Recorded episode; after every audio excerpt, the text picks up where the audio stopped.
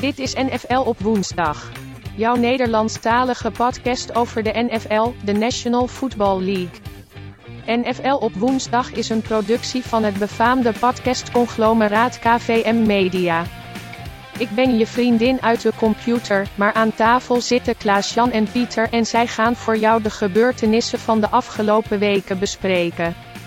Het is alweer tijd voor de tweede aflevering van het tweede seizoen. Dus stap in de auto en rijd een rondje of blijf op de bank hangen en pak de popcorn, de borrelnootjes of een zak chips voor bij je biertje en luister naar een nieuwe aflevering van NFL op woensdag.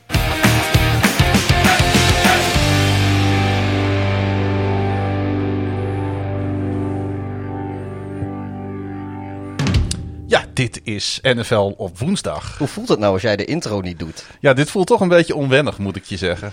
ja, dit, is, dit wordt sowieso een beetje een onwennige podcast, want uh, vandaag doe ik de techniek. En ja. Ja, we hebben ook meteen iemand anders gevonden voor de intro. Ja, dus ja. Uh, als het misgaat, dan uh, geven we gewoon nog steeds Klaasje de schuld. Wij dachten gewoon, wat we niet hoeven te doen, dat doen we niet meer. Nee, precies. Volgende week, we, gaan, we gaan meer en meer uitbesteden aan, aan, aan, de, aan de computer. Aan de computer, precies. Ja, net zolang dat we gewoon op bed kunnen blijven liggen en de podcast zichzelf maakt. Zou je gewoon zo'n hele, zo'n heel script kunnen invoeren en dat een computerstem ja, dat er gewoon uit... Uh... Dat, dat kan gewoon. Ja? En dan kunnen we ook nog uh, allemaal verschillende stemmen doen. Maar ik weet niet of het leuk is om naar te luisteren. Ik denk het niet. Nee, ik denk het ook niet. hey, uh, nou, we zijn onderweg met seizoen 2. Ja. Aflevering 2. En... Um, ja, wat vind je eigenlijk van deze, van deze fase in het seizoen? Uh? Nou, ik, uh, ons uh, seizoen verloopt niet zo voorspoedig. Want ik wilde eigenlijk nog wat dingen rechtzetten van de eerste aflevering van, van het tweede seizoen. Mm -hmm. ik, heb, ik heb die terug zitten luisteren. En ik heb het op een gegeven moment over de San Francisco 49ers. En dan noem ik hun general manager een paar keer Snyder. En dat is best wel dom van mij, want het is natuurlijk Lynch. Hoe ik daarbij kwam, weet ik niet.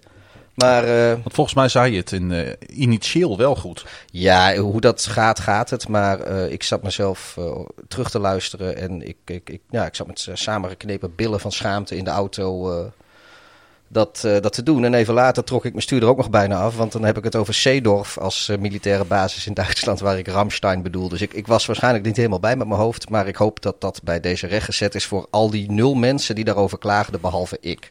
Je wisselde de voetballer om met de, met de rockband, zeg maar. Ja, nou, kan gebeuren, kan de beste overkomen. En het gebeurde deze keer ook de beste. Ja, moet je luisteren, Pieter. Ik, uh, ik, vind, ik, ja, ik vind het best wel knap wat wij doen. Ja, nee, nou weet je, we, in iedere podcast van ons zitten foutjes en meestal hoor ja. ik ze ook wel. Alleen uh, in dit geval vind ik het nogal onnozel, omdat ik, uh, nou niet per se kritiek, maar we zitten daar inhoudelijk, zitten we daar commentaar te geven op wat die general manager eigenlijk Mhm, mm -hmm, uitvreet mm -hmm. in San Francisco. En dan zeg je zijn naam verkeerd. En nou ja, voor de mensen die mij volgen op Twitter ook, die weten dat ik dan uh, bij zoiets doorgaans de eerste ben die, uh, die daar een boze tweet aan wijdt. Dus ik vind dat ik dan nu ook de eerste moet zijn om daar een mea culpa aan te wijden.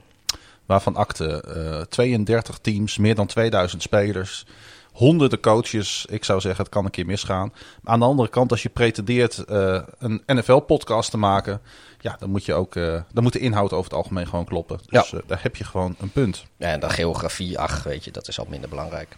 Ja, dat is waar. Goed. Um, maar goed, ik vroeg jou eigenlijk uh, van wat vind je eigenlijk van de fase van, uh, van het seizoen waarin we zitten. Het seizoen, het NFL-seizoen is natuurlijk net begonnen. Uh, we gaan richting de draft. Het is een beetje stilte voor de storm. Nadat we natuurlijk uh, vorige keer die, die gigantische trade tussen Miami en San Francisco en de Eagles hebben gehad. Ja. En nu valt het een beetje stil, merk je. Teams ja, het gaan is, het voorbereiden ja. op die draft natuurlijk. Wij met de stiekem uh, oog natuurlijk ook al. Ja, het is... Uh, ja, kijk, natuurlijk, uh, er zijn er nog spelers her en der. Die, er wordt wat gereleased. Er zijn een paar die hun pensioen aankondigen. Er mm -hmm. zijn teams, of spelers die van teams wisselen natuurlijk nog. En... Uh, niet zo heel ja, veel er, meer. Er waren niet, niet, niet, niet heel veel high-profile uh, uh, dingen die gebeurden. Nee. Um, ik denk inderdaad dat, dat de teams zo langzamerhand zich een beetje aan het settelen zijn voor, voor de draft. En afhankelijk wat daar gebeurt. En waarschijnlijk ook in de aanloop daar naartoe zullen er nog dingen gebeuren. Oh. vooral om picks denk ik misschien teams die omho omhoog of omlaag gaan traden.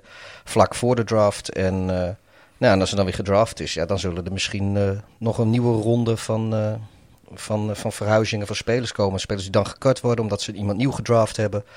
Uh, misschien moet de cap space weer vrijgemaakt worden, weet ik veel. Dat, uh, ja. Er gebeurt weer van alles dan.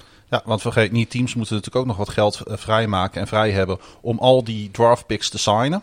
Ja, en gaat niet om, van, gaat ja. niet om mega bedragen, maar goed, je moet het wel in huis hebben. Nee, en, en omdat de, de, de cap de salary cap is natuurlijk een behoorlijk stuk omlaag gegaan uh, voor dit seizoen. Dus uh, daar zaten de teams al mee. En het is natuurlijk zo hoe uh, wat, wat een rookie gaat verdienen is afhankelijk van in de ronde waarin hij wordt gedraft. Dus als je met uh, draft picks gaat treden, ofwel omhoog ofwel naar beneden. Maar zeker als je uh, uh, er een eerste, ja, een eerste ronde pick extra bij gaat nemen, bijvoorbeeld. Ja. ja. dan kan het best zijn dat, omdat die cap space, die, die, die, die, die liggen zo krapjes op het moment. kan best zijn dat daar dan weer herstructureringen uit voort moeten komen. Niet de hele grote, maar Inderdaad. En toch meenden wij dat het uh, een goed idee zou zijn om nog even een uh, podcastje op te nemen. Waar we toch nog even uh, kijken naar nou, free agency op dit moment. Maar ook wat er bij diverse teams speelt. Hè. We gaan het bijvoorbeeld even hebben over de San Francisco 49ers. Ja. Wat moeten die in vredesnaam met Jimmy G? De Seahawks hebben een paar grote moves gemaakt. in ieder geval opvallend groot ten opzichte van de andere teams. Ja. En er zijn nog wat vraagjes binnengekomen en zo ja, gaan we de mensen toch even meenemen in wat er op dit moment speelt in de National Football League. Nou, ik kan niet wachten. Hey, laten we beginnen met uh, de vragen die zijn binnengekomen uh, op de Twitters en op Instagram. Insta. En ik wil even beginnen met, uh, ja, eigenlijk ook, het is een vraag, maar het is ook het laatste nieuws. In ieder geval het nieuws waar het meeste aandacht voor was, denk ik, de afgelopen 24, 48 uur. Ja, het grootste, grootste nieuws was inderdaad geen trade of weet ik wat. Het was een, Nee. uh, een aangekondigd pensioen. Ja, en we hebben het natuurlijk over uh, Julian Edelman in... Uh, Wie? Uh, zeg mij niks, die naam. Volgens mij staat hij ook beter bekend als Jules in, bij, de, bij de fanbase. Oh, dat, dat, dat zou goed kunnen, Jules. En Erwin van der Heuvel vraagt, hoe goed was hij? Hall of Fame waardig gezien zijn playoff stats en Super Bowl MVP en drie Super Bowls. En ik voeg er even redactioneel aan toe, of niet? Nou, ik, uh, ik vind het uh, geen Hall of Fame waardige carrière. Ik heb heel veel respect voor zijn carrière. Ik, ja. ik denk als er ooit een Hall of Very Good komt, dan uh, staat hij, is hij first ballot. Maar nee, dus, dus ik bedoel... Um, uh, ik zag uh, op, uh, op Twitter ook een discussie voorbij komen. En op een gegeven moment zie iemand ook van ja, luister, als je, als je Edelman serieus de Hall of Fame wil hebben, dan moet je mensen als Chad Johnson, beter bekend als Ocho Cinco, mm -hmm. er ook in zetten. Want die heeft nog net iets indrukwekkender stats. Die heeft dan misschien wel niet een Super Bowl MVP. Uh, uh, of drie gewonnen Super Bowls. Maar goed, het is een teamsport. Uh, Dan Marino noemen wij hier heel vaak als hele goede speler die nooit een Super Bowl heeft gewonnen. Maar dat was natuurlijk is gewoon een Hall of Famer. Daar doet niemand moeilijk over. Um, Super Bowl MVP, volgens mij heeft Nick Foles die ook in zijn achterzak zitten. Ik zie die ook niet zomaar in de Hall of Fame terechtkomen. Of er moet wel iets heel bijzonders nog gaan gebeuren in zijn carrière. Nee, ik zag ook onder Patriots fans, Nederlandse Patriots fans, ook verdeeldheid over, over deze vraag. Uh, ja, toch wel opvallend dat daar verdeeldheid zelfs bij de fans over is. Want uh, ja. Nou ja, dat komt gewoon. Kijk, ik vind je moet uh, in de Hall of Fame komen als jij een, uh, een carrière hebt gemaakt die waar mensen gewoon 10, 10, 20 jaar later nog over praten. Mm -hmm. En dat is bij Edelman denk ik niet het geval. Edelman heeft plays gemaakt, bepaalde momenten in bepaalde wedstrijden. Waar misschien over 10 of 20 jaar nog over gesproken wordt. Die catch tegen de Falcons in, de, in die beruchte 28-3 uh, ja. uh, comeback uh, victory die, Super Bowl. Die diving catch was natuurlijk wel ja. zijn signature catch. Nou ja, kijk, hij is, hij is denk ik, is Edelman, die is er van een groot deel voor verantwoordelijk dat ze daar in, in Atlanta nog steeds een trauma hebben aan die wedstrijd. Ja, het was een beetje het, het, het, het zogenaamde omkeerpunt in die wedstrijd, hè? Maar dat vind ik geen Super Bowl, of uh, Super Bowl, geen Hall of Fame waardig iets. Ik zeg, het zijn momenten. Het is niet zozeer zijn hele ja, carrière. Daar was hij gewoon heel goed. En In die lastige wedstrijd tegen de Rams, ook natuurlijk een Super Bowl, ehm, Super Bowl 53 uit mijn hoofd. ja, die saaie. Die hele saaie inderdaad, werd hij wel benoemd tot MVP. Want hij ving toch, en dat is als je die wedstrijd terughaalt, een klein wonder, Mhm. 10 ballen voor 141 yards. Ja. Ja. Maar als hij dan geen, eh, geen Hall Nee, of Famer ik eh, het, is, wordt... het is of een, of een carrière waar, waar tientallen eh, jaren nog over nagesproken wordt. En, en dat is bij, denk ik bij Edelman niet. Kijk, dus bijvoorbeeld bij Aaron Rodgers wel. Die heeft één Super Bowl Mhm. gewonnen. En ook maar één gespeeld tot nu toe. Maar als die vandaag zijn pensioen aan zou kondigen...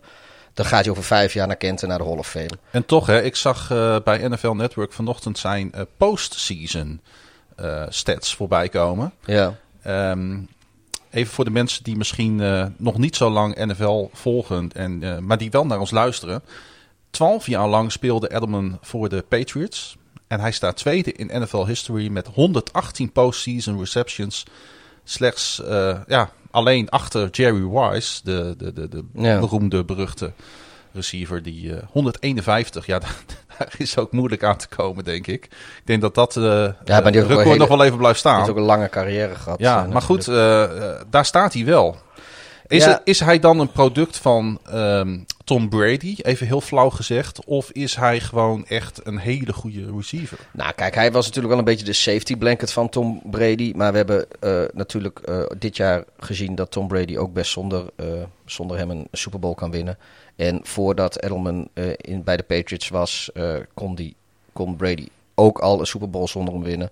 Dus in die zin, hij was heel goed. Hij was zijn safety blanket. En, ik, eh, en het was echt een hele, hele goede receiver in de, in de rol die hij speelde. En zeker met het verhaal, weet je. Hij, hij had niet eens een scholarship om, om, op, om in college te gaan ballen. Nee. Maar uiteindelijk is hij toch, eh nou ja, dan heeft hij de carrière gehad die hij gehad heeft. En hij is natuurlijk ook magistraal natuurlijk omgeturnd door Bill, Bill, Ja, ja, Bill ja. Belichick. Ja. Die, eh, hij was namelijk quarterback bij Kent State. De Patriots draften hem in de zevende ronde als 232ste overall. Past natuurlijk een beetje helemaal in die eh, Tom Brady vibe die rond de Patriots hangt. Ehm, en die heeft hem neergezet als receiver en punt returner. Dus die heeft dat toch goed gezien. En, laten we niet vergeten, Edelman heeft in zijn carrière ook regelmatig als Ja, ja. gelegenheidsquarterback een aardig Nee, dat is balletje waar. gegooid. Dat was, eh, ik denk dat, eh, dat als hij bij de Bears had gespeeld, was hij prompt de beste, beste quarterback uit, uit de geschiedenis van, van de Chicago Bears. Er zijn nog mensen in, eh, in Baltimore die nachtmerries hebben van, eh, van Edelman, kan ik je vertellen. Oh, dat denk ik ook wel. Wat, wat natuurlijk wel zo is over die, die, dat die zevende ronde pick is. ehm, dat is natuurlijk heel mooi nu we, nu we even heel snel terugblikken op zijn carrière en even beschouwen. Maar kijk, eh, ehm, de meeste zeven ronde picks, die, die hoor je nooit meer wat van terug. En het zijn er altijd een paar. Die, eh echt heel weinig die überhaupt een, een, voorbij een rookie-contract komen. Laat staan eh, een carrière doen zo al, of een carrière weten op te bouwen zoals Edelman dat deed. Dus enerzijds is dat, is dat heel knap natuurlijk van Edelman. Maar ja, het, het, ik geloof niet dat Belichick toen hij Edelman drafte dit had voorzien. Het, niet op die manier. Die had ook zoiets van, nou weet je, we- ach, ach, die, het is een quarterback, maar ach, hij kan ook wel een beetje lopen. Dus misschien is er wel een receiver of een, of een returner van te maken. Daar spendeer je een zevende draft pick en dan aan. En toch, Pieter, eh, er is natuurlijk één prijs ja, ja, ja. en die overstijgt een Hall of Fame. Ja. eh, Geen, geen, geen Hall of Fame carrière, maar we hebben inderdaad wel een andere prijs voor, eh, voor, voor Julian Edelman. En namelijk...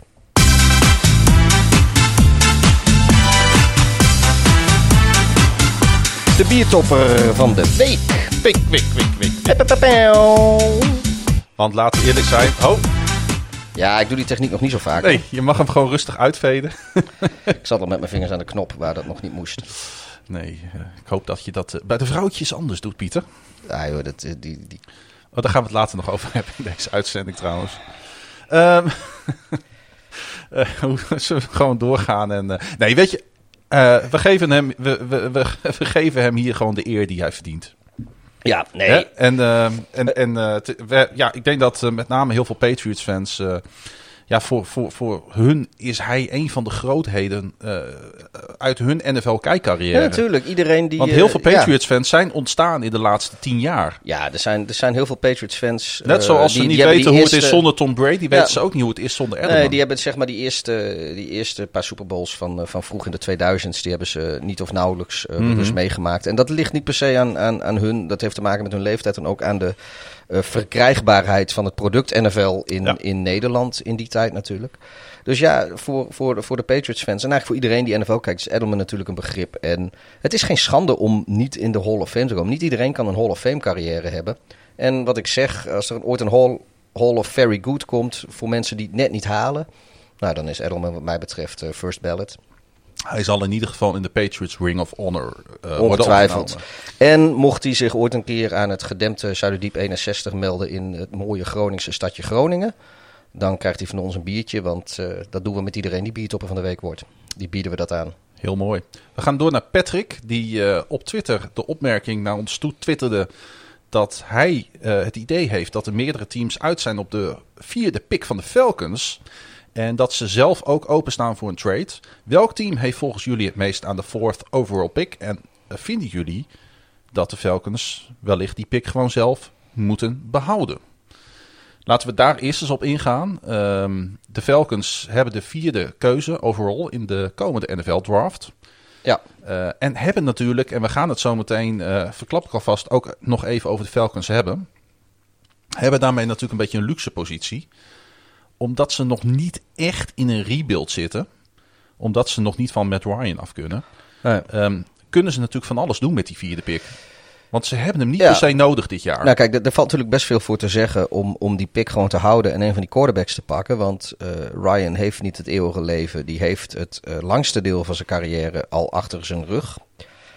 Um, ja, als, uh, als je een goede quarterback hebt, dan, dan kun je zelfs misschien nog Ryan ter trade aanbieden. Het contract is niet per se heel gunstig. En, dat, en ik weet nee. ook niet. Of, maar volgend seizoen kan dat natuurlijk ook nog. Ja, maar er, is, uh, er, er zitten nogal wat haken en ogen aan. En ik verwacht eerlijk gezegd daarom dat de Falcons nog twee jaar doorgaan met, met Ryan. Ja, goed. Dus ik denk dat als ze voor een quarterback gaan, dat ze dat volgend jaar pas gaan doen. Ja, het punt is alleen. Ik neem aan dat ze er zelf ook een beetje van, van uitgaan en op hopen dat ze, dat ze volgend jaar niet een vierde of zelfs een betere pick hebben overall. Mm -hmm. Dat ja. is wel echt een. En, en op dit moment weet je gewoon dat, dat uh, uh, je een van die vier. Ja, je, je, krijgt gewoon waarschijnlijk een goede quarterback. Je weet nog niet precies hoe, hoe dat volgend jaar gaat zijn.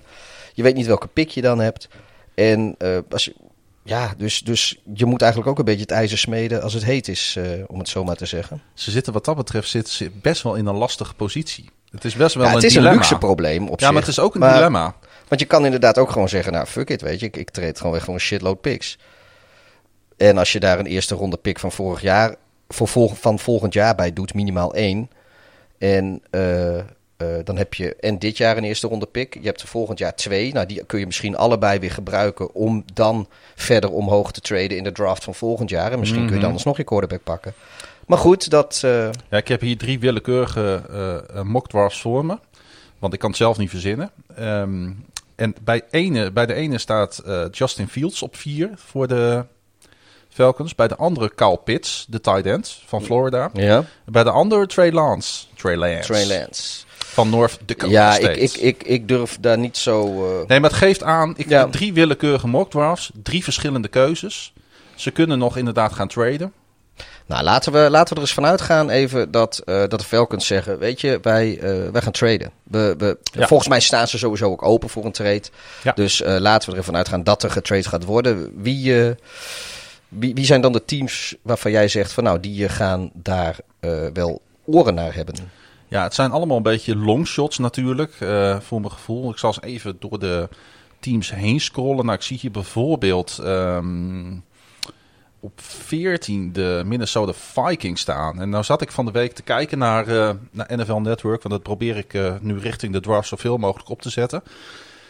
En daar ging het uh, niet over deze trade, maar daar ging het wel over Kirk Cousins. Want hij is toch een beetje een eeuwigdurende, eeuwigdurend leidend voorwerp van discussie in Minnesota. Ja. Dat is echt een hele polariserende quarterback is dat ook. Al jarenlang eh, is hij natuurlijk eh, eh, waar, waar, het, waar, waar iedere fan het over heeft. Moeten we wel met hem doorgaan? Hebben we wel of niet genoeg vertrouwen in hem? Maar het is ook iedere keer dat je denkt van nee, nu is het, het project Cousins is echt Ja. gefaald. Dan, dan, dan laat hij weer dingen zien dat je denkt, oké, neem eens, oké, dan toch nog, we gaan, nog, we gaan het weer proberen. En dat is het, hè? want hij is, zoals dat zo mooi omschreven werd, geen top-tier starter, maar ook geen bottom feeder. Als je begrijpt wat ik daarmee bedoel. Nee, het, het is, hij zit, Het is ook niet zo dat het vlees nog vis is. Dat Nee, ook weer mijn, niet. Mijn probleem met, met Cousins is eh, op basis van zijn, zijn talenten. eh, als je een, een, een, een goed tot behoorlijk goed team hebt, dan, eh, dan, dan ga, ga je serieus dingen met hem kunnen, ook in postseason. En dat hebben we natuurlijk ook al gezien, hè? Punt is alleen dat bij Cousins is het zo, en we maken er wel grapjes over, zeker ik in de NFC North, zeg maar. Maar eh, als primetime wedstrijden doet hij niet. Als het erop aankomt, doet hij het niet. Als hij in een week 17 wedstrijd eh, de playoffs veilig moet stellen, dus de druk is hoog, gaat hij door het ijs. Iedere keer als, er, dus als het land over zijn hij schouder toch- Hij kijkt. had toch die stat achter zijn naam staan. Dat hij nog nooit een primetime game in zijn Ja, carrière heeft, gewonnen. volgens mij heeft hij dit seizoen heeft, Heeft hij hij voor het eerst gewonnen. van Chicago. En dat is, nou ja, goed. eh, de Bears waren toen ook wel absoluut eh, eh, triest slecht. Mhm. Dus dat is ook niet iets waar je zegt van, nou, heb, ik, heb ik dat negatief record even op eigen kracht uit de boeken gespeeld. Nee, maar ja, het- is in Washington. daar heeft ook bij de, bij de, bij de Washington voetbalteam gespeeld hiervoor. Daar zeiden ze al, de fans tenminste, die, die lieten toen al weten op, op de social media eh, richting de fans van Minnesota. Van, eh, wees nou maar niet te blij, Mhm. want eh, je hele tijd denk je van nu hebben we de oplossing. Maar als het erop aankomt, dan stelt hij gewoon teleur. En dat is eigenlijk wel de rode draad in de carrière van Kirk Cousins tot nu toe. Hij is nu 32 jaar. Eh, hij heeft natuurlijk dus nog wel een paar goede jaren voor de boeg in principe. En zijn contract loopt af na het seizoen 2 2022. Nou ja, in die wetenschap kunnen de Vikings natuurlijk gaan voorsorteren dit jaar. Ja, dat maar klopt. dan moeten ze van 14 naar 4. En dat is een dure. Ja, maar de Vikings hebben volgens mij wel echt een shitload aan, eh, aan draft picks. Dat klopt. Dus, eh, en ze zitten natuurlijk nog stiekem heimelijk een klein beetje in die soft rebuild van ze. Ja, Ehm, ja, en ze kunnen natuurlijk prima voor het... eh, ja, dat is ondertussen een beetje het befaamde Mahomes-traject gaan. Gewoon een toppen draften. Een jaar achter een eh, goede quarterback zetten. Volgens mij was het toen Alex Smith bij de, bij de Chiefs. Waar hij een jaar eh, achter, eh, achter mocht, mocht zitten. ja. Ja, en dat, dat kunnen de Vikings natuurlijk ook doen. Ander team wat trouwens in mij opkwam nu we het toch eh, over, eh, over mogelijke trade partners hebben, dat zijn de New England Patriots. Met, eh, die hebben de vijftiende overall Ja, die pick. komen vlak na, de, na de Vikings inderdaad. Ja, ja, Cam Newton is daar natuurlijk niet de lange termijn oplossing. Die is voor één jaar verlengd. Dus die, Mhm. daar moeten ze over eind van komend seizoen weer een beslissing over gaan nemen wat ze met hem aan willen. Ja, want ze hebben ondertussen in New England ongeveer alles aangepakt, behalve de positie van quarterback. Dus Ja, maar goed, ik, ik, ik heb ook nog niet het idee dat ze in win-now mode zijn eh, ondertussen. Nee. Zeker niet als je kijkt eh, hoe sterk de Bills eh, zijn. En, de, de Miami Dol- en de Dolphins, die komen waarschijnlijk ook heel sterk voor de dag. Mhm. Dus Nou ja, goed. Ze kunnen natuurlijk wel een, een, een toekomstige franchise quarterback gebruiken in, in New England. Daar hoeven we niet moeilijk over te doen. Jij noemt nu trouwens de Dolphins. Eh, die hebben natuurlijk ook wat ruimte om eh, eventueel nog weer omhoog te traden. ja. ja, die hebben natuurlijk... Dat eh, zou wat zijn. Ja, die hebben zichzelf uit de derde plek eh getrade met, met de Niners. maar meteen daarna hebben ze met de Eagles een deal gemaakt om weer naar plek 6 te, terug te schuiven. Ja, kijk, als wat jij net zegt in die mock draft. eh, ehm, Die naam van Carl Kyle Pitts, die, die, valt heel vaak Ja, in want die ik- top Ja, 5. want kijk, Miami die, die, die is- is niet geïnteresseerd in een quarterback. Anders hadden ze hun derde plek wel gehouden.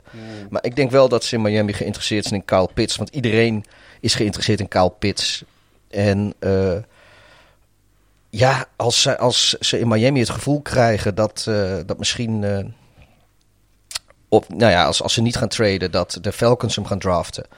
Of eh, wie, is de, wie is de vijfde overal, weet je dat zo? Dat zijn de Bengals. Oh ja, de Bengals. Maar de Nou, Bengals worden eh, veel al gekoppeld aan een eh, offensive lineman.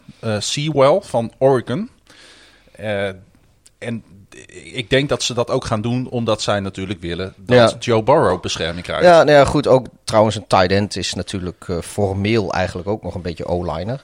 Dus met Ja. een beetje fantasie. Maar Ik eh, heb geen idee of deze Cal Pitts trouwens een goede blokker is. Dat is iets wat we aan Edu moeten gaan vragen Nee, als we het ik- volgende week met hem over de heb- draft gaan hebben. Nee, maar goed. Maar ik denk als ze in Miami het idee hebben dat op plek 6 Kyle Pitts er wel eens niet meer zou kunnen zijn. Dan kan het best zijn dat zij, zeker hem ook met de enorme eh, vrachtwagen aan eh draftpicks die zij eh, tot hun Ja. beschikking hebben. Zal ik je vertellen dat ik denk dat het niet nodig is? Jij denkt dat Kyle Pitts er gewoon is op 6. Ik denk dat hij er gewoon is. En ik denk namelijk dat eh, eh, het meest waarschijnlijke is toch dat 1 tot en met 4 quarterback is. De Bengals gaan voor een offensive tackle. En dan valt Kyle Pitts in de schoot van Miami op 6. Dat is eh, wat ze in Lijkt mij het in meest Zuid- waarschijnlijk. In, in Zuid-Florida zullen ze dat het liefst zo hebben. Maar goed, eh, je weet het niet. Je weet het niet. Kijk, en, en, en het is natuurlijk moeten ook wat te speculeren Ja, maar ja, weet je, als, als de Dolphins niet Kyle Pitts kunnen oppakken, dan pakken ze die Jalen Weddle gewoon lekker op. Die receiver van Alabama die het geweldig doet. En ongelooflijk veel potentie heeft. Dus dan, Ja, het is dat- ja, altijd dat een is- win-win situatie voor de, voor de Dolphins. Nou ja, kijk, eh, kijk, zeker omdat er... eh, ehm, feitelijk is het zo, als je geen quarterback nodig hebt... Ik breng het zoals, nu heel makkelijk trouwens. Hè, maar, maar- je, hebt, je hebt wel gelijk. Als je zoals de Bengals eigenlijk, die hebben geen quarterback nodig. Nee. Dus je zou in principe kunnen zeggen dat ze feitelijk een, een, gewoon de eerste pick in de draft hebben.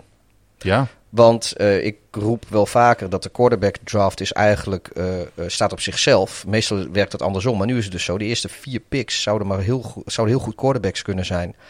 Ja, dan hebben... en de Dolphins hoeven niet per se aan hun line te werken. Nee, en dan hebben ze dus... eh, hebben de Bengals en de Dolphins... die hebben feitelijk de eerste en de tweede pick in de draft. God, die Dolphins zitten wel in een heerlijke luxe positie. Hè? Maar ja, maar het zou ook best kunnen... Wat een jaar voor hun. Het zou ook best kunnen dat, Ja. eh, dat, dat ja, misschien is er ook wel weer een team die eh, weer met Miami wil treden voor die zesde pick, omdat misschien dat er bij die, weet je, dat, dat, dat er drie quarterbacks maar gaan, of dat ze, dat ze bang zijn dat de, een vijfde quarterback, en dan moet je denken aan een Mac Jones of zo, dat, dat die eh, eh, ook heel snel gaat vallen. Maar goed, dat is eh, te ver om Nou de ja, zaak dan, vooruit lopen. da- dan zou je misschien een, een, een, een akkoordje kunnen vormen met het Washington voetbalteam.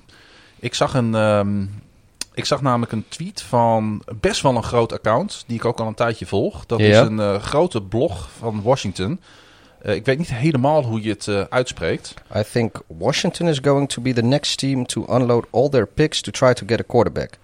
I think they love Trey Lance. I don't think I know Washington loves Lance. Dus ja, die gaat er echt Mhm. vanuit dat. eh, I think they're willing to. to get in. ja, zo hij, die wil, die denken dat, dat de Washington voetbalteam all in gaat voor Trey Lance. Dat zegt de Burgundy blog. De, Bur- de Burgundy blog. Burgundy, Burgundy. dat is eh, gewoon de kleur van hun Precies, shirtjes. Burgundy. Sorry, mijn Amerikaans-Engels is niet zo heel goed. Eh, meer dan 35.000 volgers. Mooi account trouwens om te volgen. Tipje.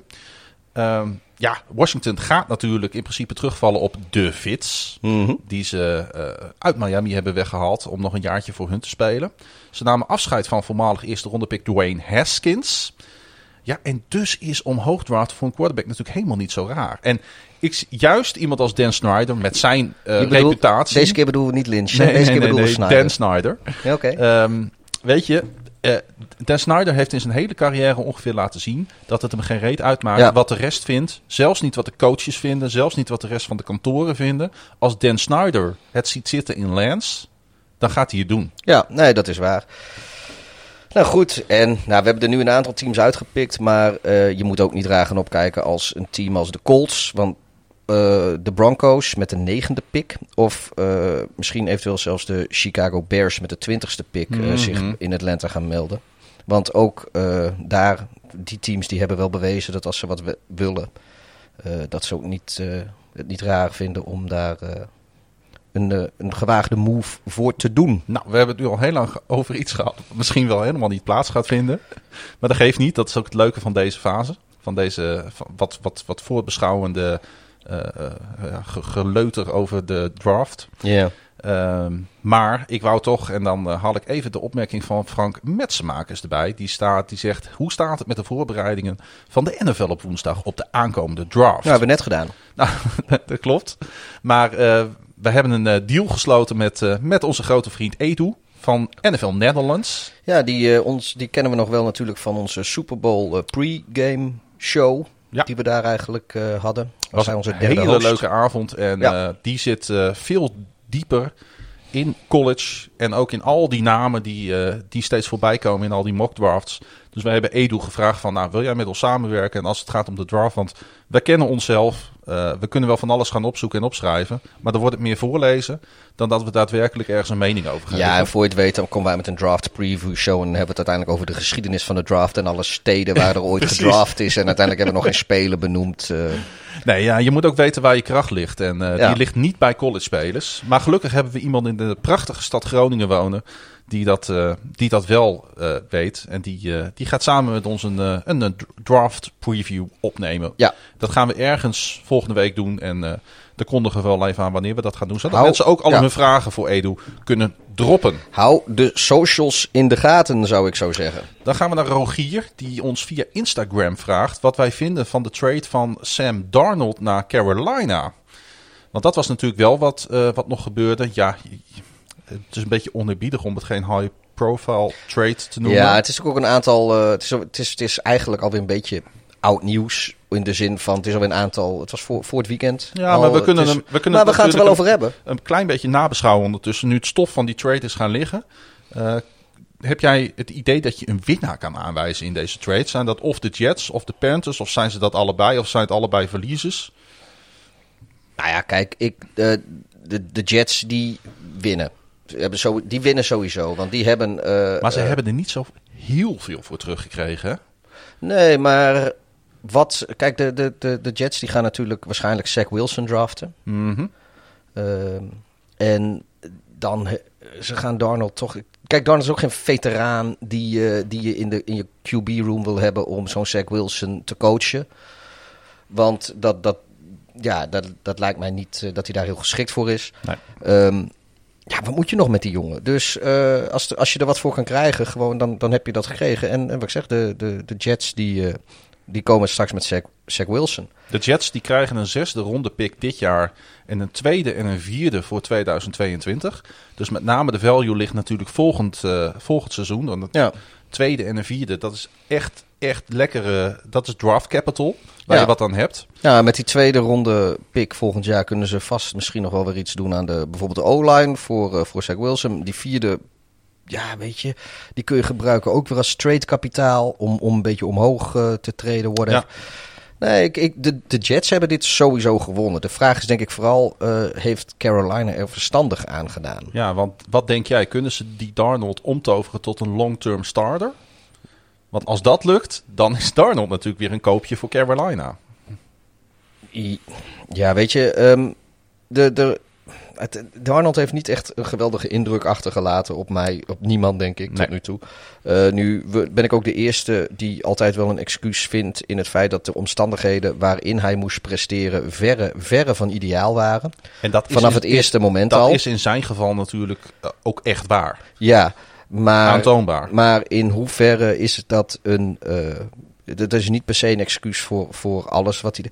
Dus ik kijk, ook al kan hij er niet zoveel aan doen, hij heeft zijn eerste jaren in de NFL heeft hij zich eh, al dan ja onbewust vooral natuurlijk heeft zich allemaal slechte dingen aangeleerd, weet je, die je misschien ook weer eruit moet krijgen als je als je wil eh, wat de Panthers met hem willen, wat eh, dus dat, en dat is maar de vraag of dat gaat gebeuren. Je, je, je kan er niks aan doen, maar ja, goed, je gaat toch terugkijken inderdaad over de jaren heen. En dan kwam bij mij de vraag op toen ik hier vanmiddag even over nadacht. Hebben de Jets nou Darnold meer in de steek gelaten? Of Darnold de Jets? En toen kwam ik toch tot de conclusie dat de Jets wel heel erg weinig hebben gedaan om zo... Heb, nou, ik zou ze bijna willen zeggen, heel erg hun best gedaan om zo weinig mogelijk talent om Darnold heen te bouwen. Ja, nee, dat, dat, dat is ehm, misschien wel waar. Dus ik wil hem op zich die kans nog wel geven. Dat, nee, dat, dat, kijk, dat hij Ik nog een kans benieuwd, krijgt. hoor. Nee, dat hij nog een kans krijgt, dat is, dat is denk ik wel terecht. Ja. Maar of hij nou de lange termijn oplossing is eh, voor de Panthers, dat, dat betwijfel ik. Maar ook, dat, weet jij, is ook niet super duur. Dus, dus ja, weet je, als het wel zo is. Mhm. Er is nog een klein upsetje. In Carolina wordt Darnold weer herenigd met voormalig teamgenoot Robbie Anderson. Mhm. Want ik kan me nog herinneren dat de eerste touchdown pass van Darnold in de NFL naar die Anderson Ja. ging. Die toen zijn eerste wedstrijd speelde.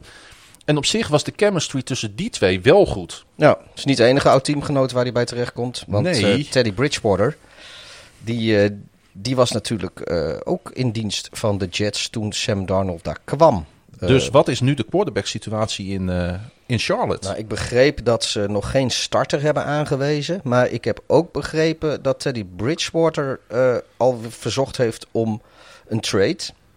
En eh, ze schijnen ook nog niet met elkaar gesproken te hebben, Darnold en Bridgewater. Die hebben geen contact gehad met elkaar sinds de trade. Dus dat is eh, geen eh, situatie meer, maar een controversie. Ondertussen, nu al. Of ga ik dan te ver? ik kijk, ik, dat of ja, dat gaat misschien wel iets ver, maar ik, ja, ik denk wel dat Bridgewater, Bridgewater wil daar weg. Kijk, want ze hebben natuurlijk niet die draftpicks opgegeven om voor een backup. Dus ik, maar ja, Bridgewater was natuurlijk ook niet de, de wat ze ervan gehoopt hadden. Nee, die begon eh, prima aan het eh, vorige seizoen, maar zakte heel rap weg. Ja, maar ik denk niet dat hij blij is eh, met de komst van Darnold. En, maar goed, ik zeg, ze hebben geen contact gehad met elkaar volgens de, de overlevering. En ja, ik ben benieuwd waar Bridgewater nu weer terecht gaat komen. Maar Het is een beetje... Ik denk dat we moeten echt even wachten om te zien hoe de Panthers uit deze trade komen. het is Dus een beetje middelmatige handels dit hè, bij, de, bij de Panthers. Ja, ze doen in elk geval. Ze, ja, je, Ze- moet, je moet ja, iets. je moet iets, maar ze staan niet in de top om te draften. Eh, ze, ze- hun, hun, hun draft capital was er ook niet. Ah, Het is een beetje een lastige situatie daar. Ik, eh, ik denk niet dat zij de NFC South gaan winnen dit jaar. Nee, dat, eh, dat vrees ik ook voor ze. Die, die durf ik alvast in te gooien, Ja. die voorspelling. En ik heb ook niet het idee dat, er een, dat, dat, ze, dat ze op de quarterback na goed kunnen rebuilden of zo. Ik, ik, nou, ik, ik zie het nog niet helemaal gebeuren daar volgend jaar inderdaad. nee, ik, Laten we, ik vind ook, ze, ze hebben daar ook... ehm, ja, een ik, vind, ik vind ook niet dat ze, dat ze in een Carolina... grijze middenmoot of Ja, maar ze- ik heb ook niet het idee dat, da- dat ze daar altijd nog zo boven, bovengemiddeld veel talent binnenhalen. Die Luke Kuechly, die, die, die kwam daar toen, eh, die hebben ze daar. Nou ja, en, en Cam Newton die kwam ze ook maar aanwaaien. In de zin van dat was gewoon een consensus nummer 1 draft pick. Maar ze hebben al de Super Bowl gehaald toen. Ja. Maar eh, volgens mij de 50 was dat zelfs toch? De 50, die was die in, in Santa Clara. Die hebben ze verloren van de Broncos toen. Ja, dat, dat weet ik, maar ik weet niet meer of dat... eh, ja, dat Ehm, was 50 in Santa Clara. Ja. Maar eh, ja, weet je, ik, ik, ik verder, ik, ja, of, of ze nou van, van die enorme trades of dingen. Ik, ik, ja, het is een beetje Ah, ik, heb, ik, niksigheid. heb, ik heb wel een beetje, ik heb wel genoten van het talent in de verdediging vorig jaar, moet ik zeggen, want dat was echt wel aanwezig daar. Maar eh, ja, dat is ook maar dan één onderdeel van een unit. ja. En- ja, nee, is ook zo. Ja, oké, ik, wil- nou, ik, ik, heb nu, mezelf nu ten doel gesteld dat ik eens even wat meer ga inzoomen op de Panthers en wat nou precies hun, eh, hun plannen zijn voor de toekomst. Lijkt wel leuk, leuk, eh, leuk om een keer heen te gaan naar Charlotte. En, eh, Ja, het is ook wel een indrukwekkend stadion. Het schijnt ook wel een leefbare stad te zijn, inderdaad. Nou ja, dat is weer iets voor later. Hey, Farid vraagt via Instagram of er nog wat bijzonders is gebeurd. nou, jij, hebt, jij, jij, jij wil het wel ergens over hebben, geloof ik. nou, nee, want hij heeft gelijk. En ik ga zijn gelijk aantonen met, eh, met, het, met het, ongeveer het enige nieuws wat ik, eh, wat ik kon vinden over de afgelopen week. Even los van eh, die paar grote trades bij onder andere dan de, de Panthers, Jets en de Seahawks, waar we het straks nog even over gaan hebben. Want ik kwam de naam van eh Thaddeus Mos tegen. Mos met dubbel S. En dan moet er natuurlijk gelijk een lampje gaan branden bij de meeste American football fans. En Nou, bij de achternaam wel. de Bij de achternaam, precies. Nou ja, de loopbaan van tight end Thaddeus Moss is namelijk nog geen heel groot succes. Hij is de zoon van Hall of Famer Randy Moss. Die kennen we. Veelvuldig te zien ook eh, in NFL-shows op eh, op de Amerikaanse televisie. Hij werd namelijk gereleased door Washington Football Team. En dan heb ik het natuurlijk over Thaddeus. Ehm hij eh, tekende daar als undrafted free agent na de 2020 draft. Kreeg last van zijn voeten. Brak nooit door. En ehm, ik las dit en toen dacht ik van, ah, dit is wel zonde. Want dit kan wel weer zo'n mooi verhaal worden Had een, eh, zijn. had een Who's That Man eh, potentie ook wel. Zeker, daar zat ik ook een beetje aan te denken, inderdaad. Maar eh, wonder boven wonder las ik vanmiddag opeens dat, ehm, dat is opgepikt door de Bengals. Dat is niet geheel toevallig, want Joe Burrow en Thaddeus Moss zijn voormalig college teamgenoten bij LSU. Dat is waarschijnlijk op eh, voorspraak van Joe Burrow. Dat dus, zal eh, mij niet verbazen, inderdaad. Ehm, maar ik zag nu ook dat Cincinnati vijf tight ends op hun roster heeft staan. Dat is wel een beetje veel. Ik weet nog, het kan van alles afvallen, maar Ja. vijf is, is, is aan de ruime kant. Ehm, En dan sluit ik ook niet uit dat er eventueel nog een LSU-speler bij komt. Want de eh, Bengals kunnen natuurlijk nog gaan voor die eh, wide receiver Jamar Chase. Ja, maar Chase. J- wat zei ik? Ik zei ja, maar Chase. Oh ja. maar, Ja, woordgrapjes werken nog eens goed in de podcast. nee. Het is ook een beetje laat al. eh. ik val af en toe een klein beetje weg. Ik zal even een slokje bier nemen. Ik heb trouwens een lekker Gronings biertje voor me staan. Van uh, Baksbier. Paksbier. Aan de Friese straatweg. De, de Abels Eel. Dat is vernoemd naar eh, Abel Tasman. De- En dat is de man die het Rijdiep ontdekt heeft waaraan dit bier gebrouwen is. Nee, volgens mij eh, was eh, Abel Tasman de ontdekker van Tasmanië. Tasmanië. Maar niet van... Oh, nou, ik dacht het Rijdiep ook gewoon. Hey, het is wel een lekker biertje trouwens. Niks mis mee. Dat klopt. Ehm, ehm, dus nou ja, goed, ik wou het gewoon even benoemen. Ook om aan te geven dat we wel een klein beetje in het non-nieuws eh, eh, ver- verzanden. Ja, Dat er niet zoveel gebeurt. En er kwam nog een ander nieuwtje binnen. nu we toch... Ja, we hadden het even over de Bengals. Dus dan is dit wel een mooi bruggetje, denk ik. Want eh, Want Bernard Giovanni Giovanni, Giovanni Bernardo... die tekent het eenjarige deal bij de Bucks. En die kennen we natuurlijk allemaal als running back van de Cincinnati Bengals. Ja, niet onverdienstelijk ook trouwens. Ehm, en ik snap, ergens snap ik zijn signing wel. Want hij gaat de competitie aan met eh, Ronald Jones, Leonard Fournette natuurlijk. En ze hebben daar ook nog die tweedejaars running back eh Keshawn Vaughn. Mhm. Die ook wel potentie heeft. Maar met Bernard hebben ze wel natuurlijk een van de beste catching running backs eh, Ja. te pakken. Ja. Sinds zijn, het is echt ongelooflijk, sinds zijn rookie seizoen in 2013 ving Bernard voor bijna 3000 yards receiving. Dat is, dat is force. Voor iemand die als running back Ja, op je roster ja, staat. Ja, nee, dat klopt. Ik had niet door dat hij, dat hij zo, eh, eh, zo hoog in die ranking stond, eerlijk gezegd. Ik heb hem, eh, ik heb hem een keer gehad, eh, fantasy. En volgens mij was dat een van de eerste jaren ook van eh, Mixon. En toen was Bernard volgens mij nog de starter. Ja. En dat ik Mixon aan hem gehandcuffed. Dat was wel een goed jaar in fantasy. Ja, dat kan ik me voorstellen, inderdaad. Het was ook. Totdat Mixon geblesseerd raakte. ja, maar ja, zo gaat dat helaas in dit Maar goed, spelletje. dat is... En, en, ja, en, en dan houdt het eigenlijk al wel een klein beetje op qua nieuwtjes. nou, ik heb straks nog, nog allerhande niet relevante nieuwtjes. eh, Daarom. Zoals je van me gewend bent. Hey, eh, ik dacht het is misschien ook wel leuk om, eh, om het schot voor de boeg, wat we de afgelopen eh, uitzending gedaan hebben, Ja, en de, weer van stal te halen. je had ook beloofd eh, om het te hebben over de San Francisco 49ers. Ja, we mogen allebei eh, een schot voor de boeg geven. Ik heb voor de 49ers gekozen en jij voor de Seahawks. Dus daar gaan we even wat, eh, wat dieper op We inzoomen. blijven eh, in de NFC West allebei. Nou, eh. ik dacht ook wel leuk om die even aan elkaar te koppelen. Maar eigenlijk gaan we het helemaal niet inhoudelijk veel over de 49ers hebben. Maar ik wou toch even terugkomen op die situatie met Jimmy Garoppolo. Ja, want we hebben het er vorige, vorige keer wel over gehad. Maar ja, het, het, het is wel een ding. Want ze hebben natuurlijk zichzelf omhoog gefietst naar de derde overall pick. En dat wordt een quarterback, gaan we, gaan we gewoon gemakshalve vanuit. Ja. Dus wat gaat er Dus gebeuren wat- met Jimmy Garoppolo? Ergens denk ik, en dat heb ik het vorige keer ook al gezegd. Wat willen de 49ers nou? Want aan de ene kant kan het een gouden zet zijn. Dan kunnen ze de franchise quarterback voor de toekomst kunnen ze binnenhalen. En aan de andere kant voelt het als paniekvoetbal. Terwijl dat misschien eigenlijk helemaal wel niet nodig is in de 49ers. Ja. Want er zijn een aantal goede redenen om Jimmy G, zoals hij in de volksmond heet, gewoon te behouden voor de 49ers voor het komend jaar.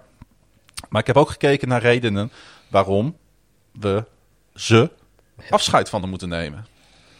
Nou, Laten we eens beginnen met eh, redenen om hem te behouden. En mijn eerste stelling is, jij mag erop reageren. Er is een goede kans op een Super Bowl run met Jimmy. als hij fit blijft en het zit allemaal mee, Mhm. Dan, eh, want ja, misschien. Kijk, ik, ik ben nooit eh eh, Garoppolo's grootste fan geweest. Ehm, ook, ook niet eh, toen die nog bij de. Zelfs bij de Patriots niet. Oké, ook al was het toen nog relatief weinig bekend eh, van hem. Ja, Kijk, hij heeft natuurlijk wel dat enorme goede record van winst en verlies.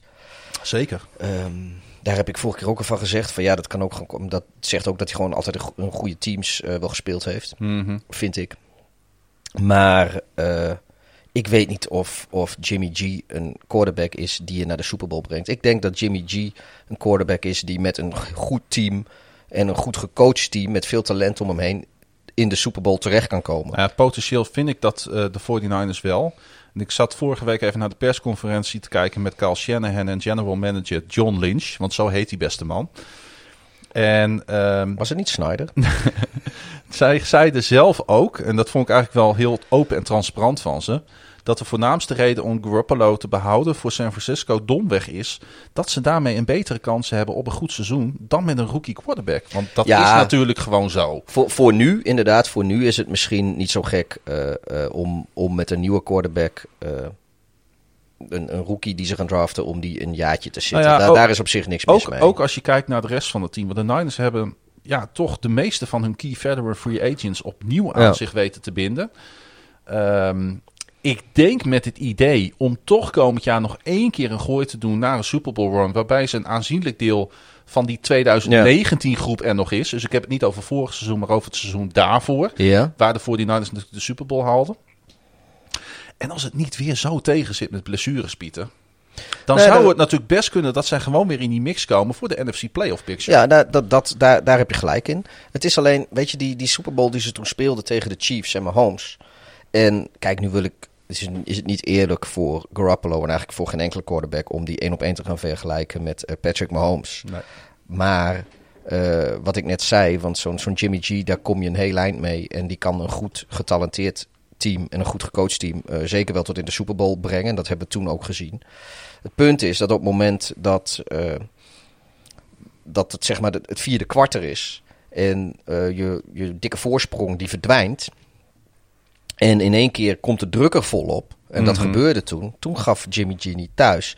En nu moet je ook realistisch zijn en zeggen: joh, hij verdient natuurlijk ook een tweede kans. Dat is zo.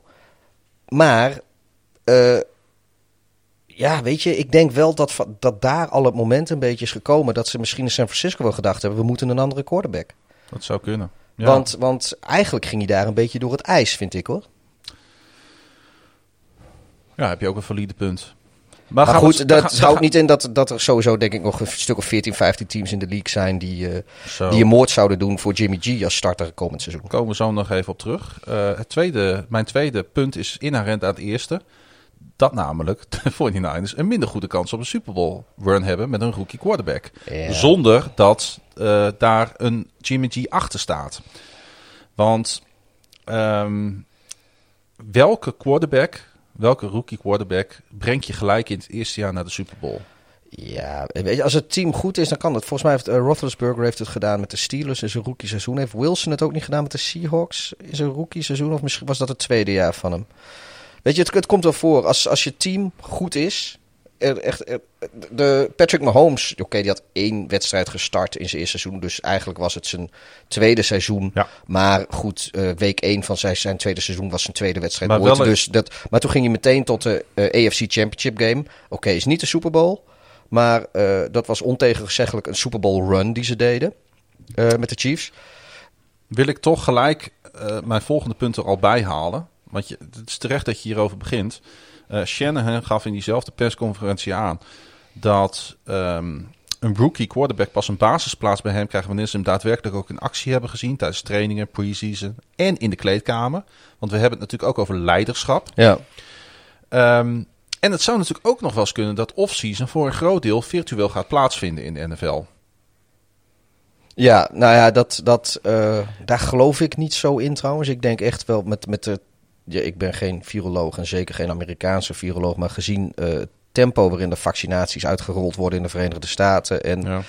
eh, dat vanaf eh, komende week iedereen die ouder is dan 16 zich in alle 50 staten kan laten vaccineren. Te- ja, weet je, je hebt nu wat, eh, wat off-season programma's, maar tegen de tijd dat, dat er serieus eh, eh, programma's op, het, op, op de kalender staan voor die spelers, Mhm. denk ik dat ze al wel fysiek bij elkaar kunnen komen. Nou, laat, laat ik dan Maar goed, dat Laat- is mijn inschatting. Ja, ja, maar dan laat ik dan in de strijd gooien het bovenmatig ingewikkelde playbook van Shanahan. Dat is wel waar. Die is er. Want die is er. Ja, weet je, en tijdens een normaal off-season is het volgens mij al een gigantische opgave om dat playbook een beetje onder de knie te krijgen en vooral te doorzien. Want het gaat niet per se om eh, play A, play B, play C, maar het gaat om een hele tactiek en strategie bij de 49ers. Ja, en dat werkt natuurlijk ook alleen maar als je dat doet met je eh, collega skill spelers om je heen. Ja. Met, met, je, met, je, met je offensive line. Weet je, dat, je kan wel, wel op bed liggen met, met, met, je, met je iPad of je, wat is het? Ze hebben daar altijd die, die Microsoft tablet dingen. Daar heb jij meer verstand van. Eh, ik ben vergeten hoe ze heet ook alweer. Maar goed, eh, dan zit je daar Ik met je, met, je, met, je, met je computertje. En eh, dan zit je dat, eh, dat playbook door te nemen. Maar dat is natuurlijk wat anders dan het daadwerkelijk doen met de mensen met wie je het moet doen. Ja. En alle nuances. Nou, en laat ik dan tot slot ook nog even eh, inderdaad ervan uitgaan dat... Microsoft Service, dat was het. Oh, ja, zo heet dat inderdaad. Ja, dat zie je altijd terug in... eh, Ja, dat was toen heel gesodemiet. Want Microsoft Ja. sponsort de NFL en die heeft iedereen van die peperdure Surface tablets gegeven. Want een beetje het Surface tablet kost zo 3000 dollar of 2500 dollar. En die commentatoren bleven het maar iPads noemen. En daar werden ze een beetje pissig van eh, bij Microsoft. ik zou het ook zo noemen. maar goed, dat, eh, dat Maar- is off topic. Eh, en, de, en, en de waarde van Garoppolo, daar moeten we het eigenlijk ook nog even over hebben. Want laten we ervan uitgaan dat hij fit blijft. De 49ers een playoff run maken. En dat Jimmy G daarbij de cijfers noteert zoals hij in 2019 deed. Mhm.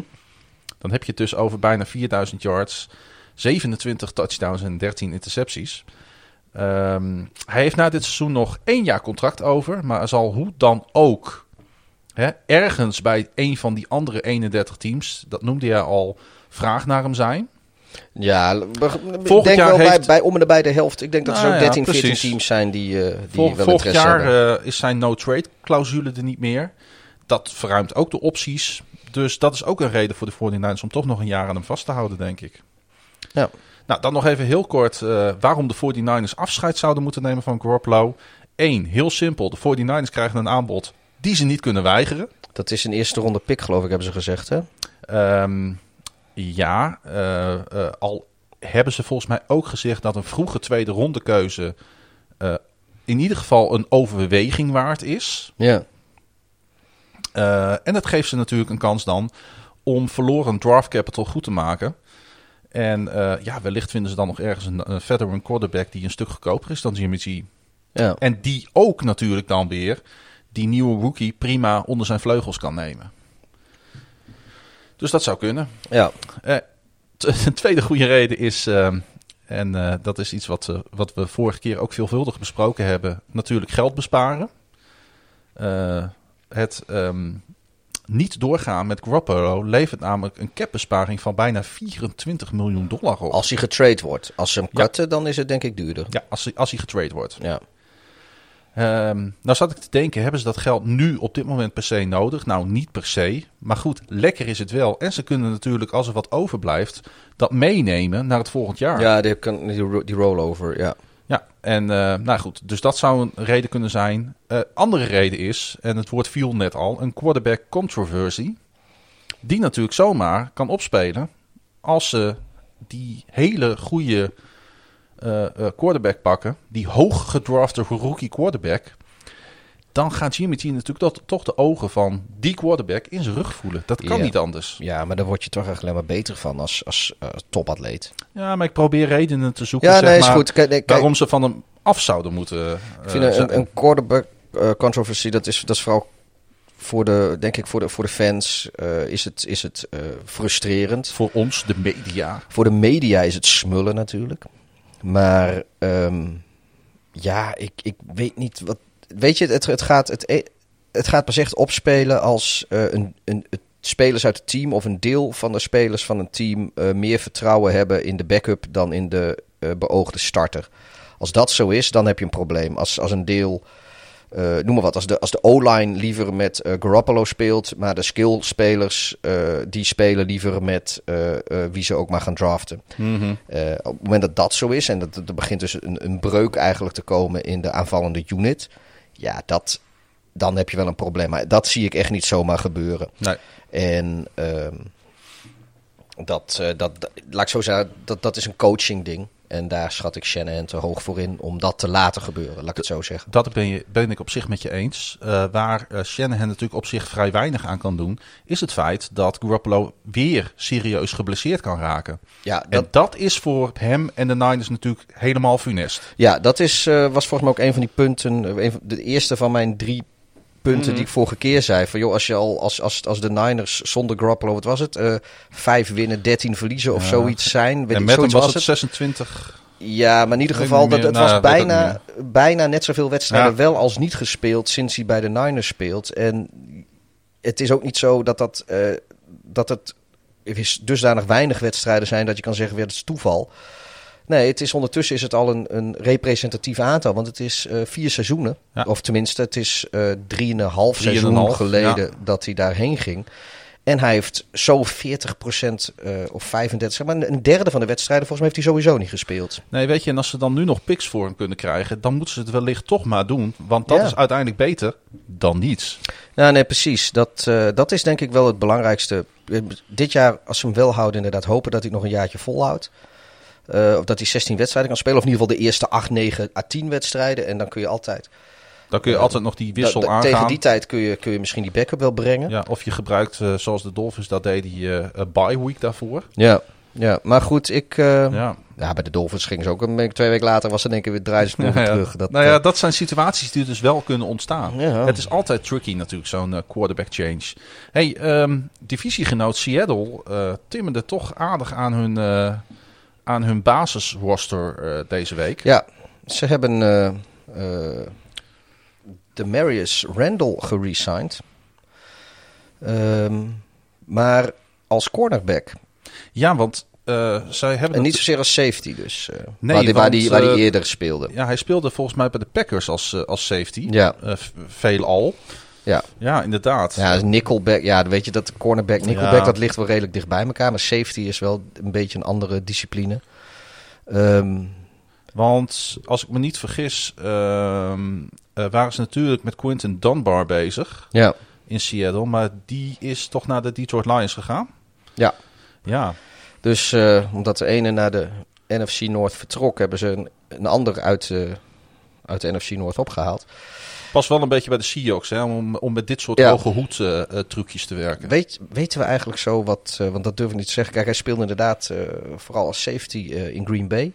Hij zat natuurlijk ook eventjes bij de, bij de Browns. Mm -hmm. Ik weet niet of hij daar cornerback of... Oh, dat weet ik ook of niet. safety speelde. Maar goed, uh, weet je, ik, ik heb er over het algemeen wel vertrouwen in dat ze in Seattle uh, spelers voor de, in de secondary wel, ja, uh, wel tot goed spel weten te, te kneden. Dus daar, daar maak ik me geen zorgen om. Ik denk dat dat, dat wel goed komt met, met vriend Randall. Verder hebben ze wide receiver Tyler Lockett een nieuwe deal gegeven. Bijna 70 miljoen dollar, vierjarige deal. 37 miljoen, dus uh, iets meer dan de helft is gegarandeerd. Ja, ik vind het echt prima voor Lockett. Ja, het is, het is eigenlijk een herstructurering. Mhm. Mm. Uh, want hij zou zijn laatste jaar ingaan van, een, van, van zijn huidige... of zijn, ja, van, van, van een deal. Nou goed, dat... Uh, cap technisch zal dit voor de, voor de Seahawks wat voordeliger zijn. Voor de toekomst uh, van Tyler Lockett is het, uh, is het ook prettig... want die heeft weer wat perspectief de komende vier jaar. Want volgens mij is het financieel voor hem een een beetje een voortzetting van, van wat hij had. Hij uh, begint toch een beetje zo'n uh, franchise wide receiver te worden op deze manier. Ja, hè? maar hij is ook uh, stiekempjes is hij gewoon best wel, best wel heel, goede productie, stabiel, speelt veel. Ja, hoort toch gewoon de laatste jaren bij de top van de NFL. Ja, ik, het is ook al, volgens mij gaat hij ook om fantasy er maar weer bij te pakken, gaat hij altijd redelijk vlot in, van de wide receivers. Het is misschien niet, de, niet je eerste keus. Maar uh, het is wel, uh, laat ik zo zeggen, als iedereen een WR1 heeft staan in je, in je 10 team league bijvoorbeeld, dan is Lockett niet meer beschikbaar. Nee. Nee, ik zag ergens een staartje voorbij komen. Ik weet niet of jij die bij de hand hebt. Um, met uh, de meeste receiving touchdowns over de laatste drie jaar. Ja, de top 5. En daar stond hij wel of niet in? Daar staat hij net aan in, als okay. vijfde. Um, ja, dat is het. Devonta Adams staat natuurlijk bovenaan met 36. Uh, Tyreek Hill heeft er 34 in drie jaar tijd. Uh, Mike Evans en Adam Thielen hebben er allebei 29. Ja. En dan uh, Tyler Lockett op eigenlijk uh, dus de gedeelde vierde plek voor uh, Evans en Thielen. En dan vijfde is Lockett met 28. Die zit er maar één touchdown receptie achter. Ja, weet je, dat zijn, dat zijn gewoon degelijke cijfers. Um, ja, er is nog wel eens wat over hem te doen. Ze vinden hem af en toe nog wat te wisselvallig. Heeft ook een beetje met de keuzes in de, in de wedstrijd te maken... waar ze de bal naartoe gooien bij de Seahawks. Dat, want... Ja, maar dat hele off offensieve spel van de Seahawks is wat wisselvallig. Dat was ja. dit seizoen ook al. Het eerste, eerste seizoenshelft was het... Uh, weet ik veel. Er was er een luchtmacht, jongen. Daar, uh, daar, daar werd je bang van als je, als je op, naar de kalender keek en je zag dat je tegen de Seahawks moest. De, secondary van de tegenstanders, die hadden zoiets van, nou, doe maar een extra luier om, want het uh, loopt ons nu alweer dun door de broek. En daar was in het tweede seizoen dat eigenlijk veel minder van over. En eh, ja, dat geldt voor Lockett in principe. Dus wat er nou van aan Lockett ligt en wat er nou van aan eh, eh, de Seahawks zelf en, en hun wedstrijdstrategie ligt. Ja, ik, ik heb, daar kan ik niet zoveel van zeggen. Ik heb het idee Nee. dat Lockett, eh, het blijkt ook wel uit dit staatje, eh, prima is. Want als de eh, Seahawks offense wat stabieler zou zijn, misschien had eh, Tyler Lockett dan wel een stukje hoger gestaan zelfs. In, Dat eh, zou in eh, dit zomaar kunnen, ja. Ja, ik ben wel fan van hem hoor. Ja. Ik eh, kan me nog herinneren dat hij in zijn rookie season eh, gelijk de Pro Bowl haalde. En eh, dat ik dacht van ja, jemig, je zal maar zo... ik kijk dan altijd vanuit de Ja, Baltimore als- Ravens. als op die kijk ik naar die... Dan, zie je eh, naar, en, en kijk, dan, dan kijk je altijd heel jaloers en, en een, beetje, een beetje met van die puppy-oogjes naar al die receivers eh, die jullie niet hebben. Juist, Ja, dat wat ik wou zeggen. Hey, waren de Seahawks daarmee klaar de Nee, nog, nog een defensive eentje. defensive eentje hebben ze. Eh, Carlos Dunlop. ehm, Grote ja, naam in de NFL. ja, wij noemen altijd Fuzzy Dunlop. Fuzzy. Dat heeft een andere geschiedenis. Maar De mensen die het horen, die horen het. ja, Die weten het. En eh, anders kunnen we het ook niet uitleggen, want Nee. dat doet afbreuk. Ehm, maar goed, ehm, ja, hij, eh, hij wilde pas verlengen, eh, Dunlop, als hij er verzekerd was dat Russell Wilson zou, zou blijven Oh, ja. in Seattle. Daar zijn trouwens ook de geruchten nog steeds niet vanuit de wereld dat dat anders gaat. Maar ik zie dat echt niet ik, gebeuren. ik, ik durf daar wel een kratje uh, Volkinger Brew op te zetten. Helaas gaat dat in doosjes. maar, eh, Van doosjes kun je ook een kratje maken. Dat is waar. Nee, dat, eh, er wordt nog steeds her en der worden er, zijn er wel eens wat beatwriters of wat, eh, wat, wat, wat sensatiezoekers. Ja, die, ik zie die het wat- op die wat- Reddit ook wel eens voorbij die, die, wat, die wat in de wereld Maar. Maar ik, ik, ik zie dat niet eh, zo snel niet gebeuren. Nee. En, En, als ik kijk naar die samenstelling er- van de Seahawks, waarom zou die daar in vredesnaam weggaan? Want dat is, ze Ja. zijn gewoon weer kansen hebben. nee, maar als je, als je dan eh, eh, hoort en leest wat, wat, wat de Bears concreet hebben geboden. Zo. En daar heb, heeft Seattle nee tegen gezegd. Ja. Ja, joh, dan, dan zie ik niet gebeuren dat hij weggaat. Want ik zie niet snel een team daar overheen gaan. En ja. Maar goed, eh, of, of het moet zo zijn dat, eh, dat Russell Wilson zelf per se weg wil en niet wil spelen. Maar daar, daar is ook totaal geen sprake van. Hey, laten we naar de RTL Boulevard eh, hoek gaan. Ja, oh, nou, nou, ik had het net over Wilson en de Seahawks nog eventjes. Dus laten we daar dan even mee beginnen. Want daar heb ik Mhm. een nieuwtje van. Want we Oh. gaan nu naar de RTL Boulevard nieuwtjes. Waarom hebben we daar geen jingle voor? Oh, gaan, we, gaan we nog een keer aan werken. Nou, ja. nou dat, dat, dat is niet helemaal onze, onze stijl, deze hoek. Maar het is off-season, dus je moet Ja, wat. Nee, maar het is altijd leuk om er wat, wat luchtig nieuws, eh, nieuws in te gooien. Dat was inderdaad onze bedoeling om, eh, om, eh, ja, om niet zo serieus de hele tijd te zijn. Nee, nou, Russell Wilson die gaat een televisiecarrière beginnen. Tenminste, hij gaat één, één tv-programma presenteren samen met zijn, samen met zijn vrouw. Ja. De titel is eh, Roll Up Your Sleeves. Eh, het wordt uitgezonden op NBC. Het zal ongeveer een uur gaan duren. En dat tv-programma, eh, het doel ervan is om mensen ertoe te bewegen zich toch vooral te laten vaccineren tegen COVID-19. Dus op zich zit, zit een, een, een, een nobel streven zit erachter. Als je geen antivaxer bent, geen wappie. Nee, daar houden we ook niet zo van. Die, die uitspraak wil ik best, best hier... zwart op wit is het niet, maar in de ether eh, wil ik hem best doen. Ik hou Zeker. niet van wappies. Gewoon lekker vaccineren mensen. Als dat ooit kan in Nederland. Het is jouw podcast. Jij mag een statement maken, jongeman. Ja, ik ben benieuwd eh, hoe Martin Drent eh, hier tegenover Oh, zou ja. staan. Ja. Of Wout Weghorst. Of Wout Weghorst. Want het gaat natuurlijk van kwaad tot erger We al hebben, dus we, we de wappies. Een, we hebben een titel.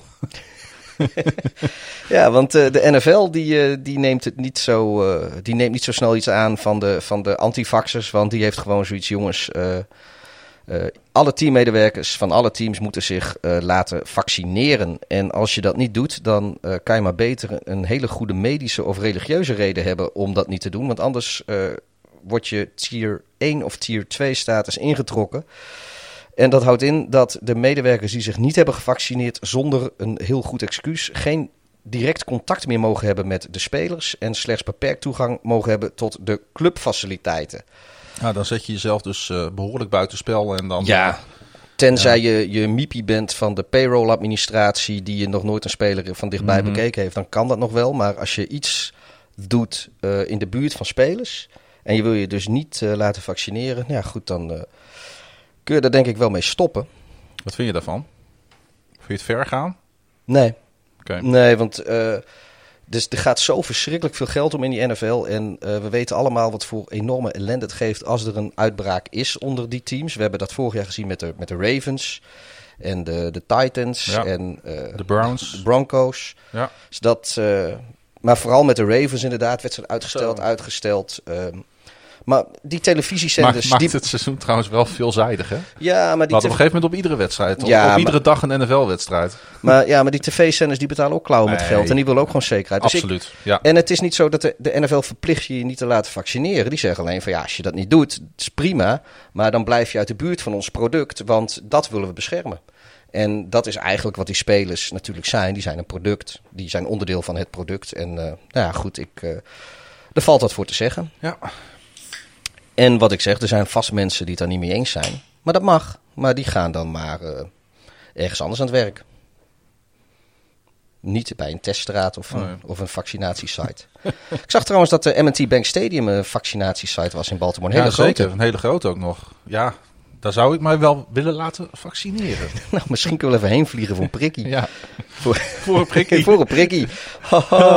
Goed, eh, ondertussen de Seahawks en de Denver Broncos spelers... die eh, hebben afgezien van hun vrijwillige off-season activiteiten. Die gaan eh, deze week of volgende week van start. Mhm. Eh, zij vinden ehm, dat, dat dat eigenlijk nog een wat niet een te groot risico is, wat ze niet willen lopen. Ook weer vanwege de COVID. De NFL Players Association die heeft in ieder geval namens de Broncos-spelers een statement naar buiten gebracht. Die kunnen we even laten horen. Ja, want ik zie hier een heel statement staan. En ik dacht, die ga je toch niet helemaal voorlezen, nee, hoop ik, dat, hè? eh, ook daar hebben we iemand voor ingehuurd. Moet je wel het geluid aanzetten. Playing in the NFL is a dream of our players who work tirelessly year round to perform in America's greatest game. With off-season programs starting in less than a week and without adequate protocols in place in order for us players to return safely, we will be exercising our right to not participate in voluntary off-season workouts. COVID-19 remains a serious threat to our families and to our communities, and it makes no sense for us as players to put ourselves at risk during this dead period. Positivity rates in our city are higher than they were at this time last year and we know players have been infected at club facilities in recent weeks. Despite having a completely virtual offseason last year, the quality of play across the NFL was better than ever by almost every Wat measure. zijn we aan het doen? We dat hope players across the NFL work with our union as we did to get all of the facts every player can make an informed decision. Dat, eh, Dit was dat is niet het statement. Dit, dit was our finest hour, Pieter. Ja, jongen, we zijn, we zijn een beetje lui vandaag, dus we hebben dat allemaal uitbesteed. nee, maar goed, eh, de Seahawks en de Broncos-spelers, die willen dus niet. Die zeggen, luister, het heeft geen enkele zin om, eh, om, om allemaal risi- risico's te gaan lopen. Zo Ja. vroeg in de voorbereiding van het, eh, van het komende seizoen. En nou, ja, voor de mensen die geluisterd hebben inderdaad naar dat verhaal. eh, vorig seizoen was het hele offseason virtueel en eh, het spel eh, heeft er niet onder geleden, zeggen ze. Vind jij dat ook? Was vorig seizoen beter? Want ze zeggen dat misschien was wel beter dan ooit. Het de niveau van vorig seizoen. Vind jij dat ook? Ja, ik kan daar niet veel van zeggen. Ik heb voornamelijk de Bears zitten kijken, dus ik heb er een hele andere mening over. Dat, nou, ik, dat, dat, dat durf ik eigenlijk ook nog wat te betwijfelen. Oké. Maar Ja, goed, laat ik zo zeggen. Ik vind het een beetje een selectieve opmerking, want het is inderdaad maar net welk team je zit te kijken. Ja, maar, Ik, Maar- ik denk wel als, als geheel. eh, ik denk niet dat we aan de wedstrijden hebben kunnen zien van nou, dit gaat niet goed vanwege een virtueel Ik denk, eh, ik denk dat vooral de goede teams er niet onder geleden hebben. En ik denk dat de minder goede teams er meer onder geleden hebben. Zonder de steun van het publiek. Zonder, ik, denk, zonder, nou, ik denk eigenlijk dat alle teams er evenveel onder geleden hebben. dat- waardoor dat- de goede teams gewoon uiteindelijk gewoon goed waren. En de minder goede teams gewoon minder goed. Want het was voor iedereen natuurlijk hetzelfde eh, handicap. Ja. Maar het, goed, dat, eh, ik vind het toch altijd lastig hoor. maar ik snap wel dat die spelers zeggen: luister, joh, we gaan hier nu nog niet beginnen. Eh, het is, nee, het is er april. gelijk aan. Laten we eerst wachten tot het allemaal wat beter gaat met de dingen. Eh, Bovendien hebben ze een ongelooflijk druk agenda natuurlijk. Want eh, er moeten 17 wedstrijden gespeeld worden. Ja, ik wil daar nog even, eh, omdat nu het 16 wedstrijden seizoen, de seizoenen van 16 wedstrijden, die, dat tijdperk is nu officieel tot een einde gekomen. Ja. En dus is er, eh, daar houden ze in Amerika van, een nieuw record geboren. Namelijk het winningest team van de 16-game era. En ja, de, volgens, ik weet niet precies wanneer ze zijn begonnen met 16 wedstrijden per seizoen. Volgens mij ergens eh, eh, vroeg in de jaren 80, als ik me niet vergis, of eind jaren 70. Maar het heeft eh, ja, een dikke 40 jaar geduurd. Ja, jij, al- jij vroeg voor de uitzending aan mij van wel- welk team denk jij nou dat daar bovenaan staat? Dus Ja. welk team heeft zeg maar het hoogste percentage aan wins? In regular Over- season. Ja, in regular season. En toen kwam ik eigenlijk uiteindelijk, toen zei ik op een gegeven moment tegen jou, ik denk als ik echt moest kiezen, dan zou ik voor de Packers gaan. Ja, nou, die, eh, maar die die zijn het niet, hè? Nee, die staan eh, wel hoog in het rijtje hoor. Die zijn vierde. Die Ja. hebben eh, 56,4% van. eh 26, of 56,6, sorry, Ja. hebben ze gewonnen. Maar wie staan er bovenaan? De Pittsburgh Steelers Ai, met ai, ai. 60,9. Ik, eh, ik had zelf gedacht dat het misschien wel de Patriots waren. Ook al waren die de eerste dik 20 jaar van de 16-game era niet zo goed. Eh, de afgelopen 20 jaar zijn ze natuurlijk een absoluut powerhouse. Waar ze Mhm. eigenlijk volgens mij nooit... Eigenlijk niet minder dan 12 wedstrijden per seizoen zo'n beetje winnen. Maar eh, die staan tweede met 60,3. Dan de Broncos 58%, de Packers dus 4. Eh, jouw Baltimore Ravens 56,4%. Die, Toch wel knap, hè, voor een franchise die 25 jaar pas bestaat. Oh. ja, en eh, ja, ze hadden echt een paar extra moeten winnen om eh, boven de Packers te komen. Vind ik een beetje jammer dat jullie dat niet gelukt is. Ja. Ik had het je graag eh, gegund. Nou ja, verder wordt het lijstje gecompleteerd door de Cowboys, de Niners, de Eagles, de Dolphins, de Seahawks en de Minnesota Vikings. En eh, ja, dit, eh, dit kunnen we in steen gaan bijtelen. Want eh, voorlopig zie ik niet eh, dat we ooit weer terug gaan naar 16 wedstrijden. Dus deze records blijven staan zoals ze zijn. Alrighty. Nog meer luchtig nieuws? Ja, Trevor Lawrence die is natuurlijk al zo zeker van dat hij door de Jacksonville Jaguars gedraft gaat worden. Dat zijn playbook, een versie van het playbook gekregen heeft. Hij heeft een versie van het playbook van de Jaguars gekregen om alvast te, te bestuderen. En volgens, eh, volgens eh, geruchten en bronnen rondom het team eh, is hij daar eh, behoorlijk eh, goed in. Het lijkt, ze hebben, het lijkt alsof hij al heel lang speelt hier, zoals hij de plays tot zich neemt. Al helemaal ingeburgerd in Jacksonville. Ja, ik, ik vraag me eigenlijk af, dat, dat is de reden dat ik het toch even... Want ik, mag dat wel? Ja, dat, dat was ook het eerste wat Want ik mij de NFL is altijd heel streng in, in contacten tussen teams Ja. en spelers als er geen contracten zijn en of als, als het Of, seizoen... al, of eh, als zo'n periode nog niet Precies, open is. dus Ja. ik, ik moet zeggen, ik ben er, eh, ik heb, ik heb er, ben er niet in gedoken. Ik zag Aan de ook andere niet kant- staan dat het illegaal was. Het is gewoon als, naar die buiten gebracht. als die man een envelop in de brievenbus krijgt eh, met erop een, voldoende postzegels en met toevallig een playbook van de Jaguars. Ja. Ja, Het is, het is ook niet, ik weet ook niet of hij actief met Jacksonville aan het communiceren is over dat playbook. Het kan inderdaad zo zijn dat eh per ongeluk iemand eh, een, een, een playbook in zijn voortuin gegooid heeft. Zomaar. En dat als hij straks gedraft is, dan zeggen ze van trouwens, weet je, heb jij, heb jij laatst een playbook in je voortuin gevonden? Ja, ja. Wat vond je ervan? Nou, daar heb ik wel wat, eh, wat opmerkingen bij, zegt hij dan. Nou, dan dan eh, kun je direct beginnen. Maar goed, ik, ja, ik vond het op zich wel grappig om, eh, om even te melden. Want ja, ik, ik vroeg me inderdaad ook af of dat eh, allemaal binnen de lijntjes kleuren was wat daar gebeurt. moeten we het nog over de elephant in the room hebben? Nou, ik weet niet of het helemaal een olifant is. Dat zouden die masseuses beter moeten weten. We hebben er niet zoveel zin in, hè? Nee. Dat is het vooral. De Sean Watson. Het moet maar even. Ja, Eh, laatste ontwikkelingen van, nou ja, van alle ellende die, die hij veroorzaakt bij menig massagetherapeut. Eh, Kamp Watson ontkende natuurlijk eh, behoorlijk in het begin. Eh, er kwamen zelfs wat, wat bij de hand de tweets van Watson van ja, weet je, het is allemaal niet gebeurd.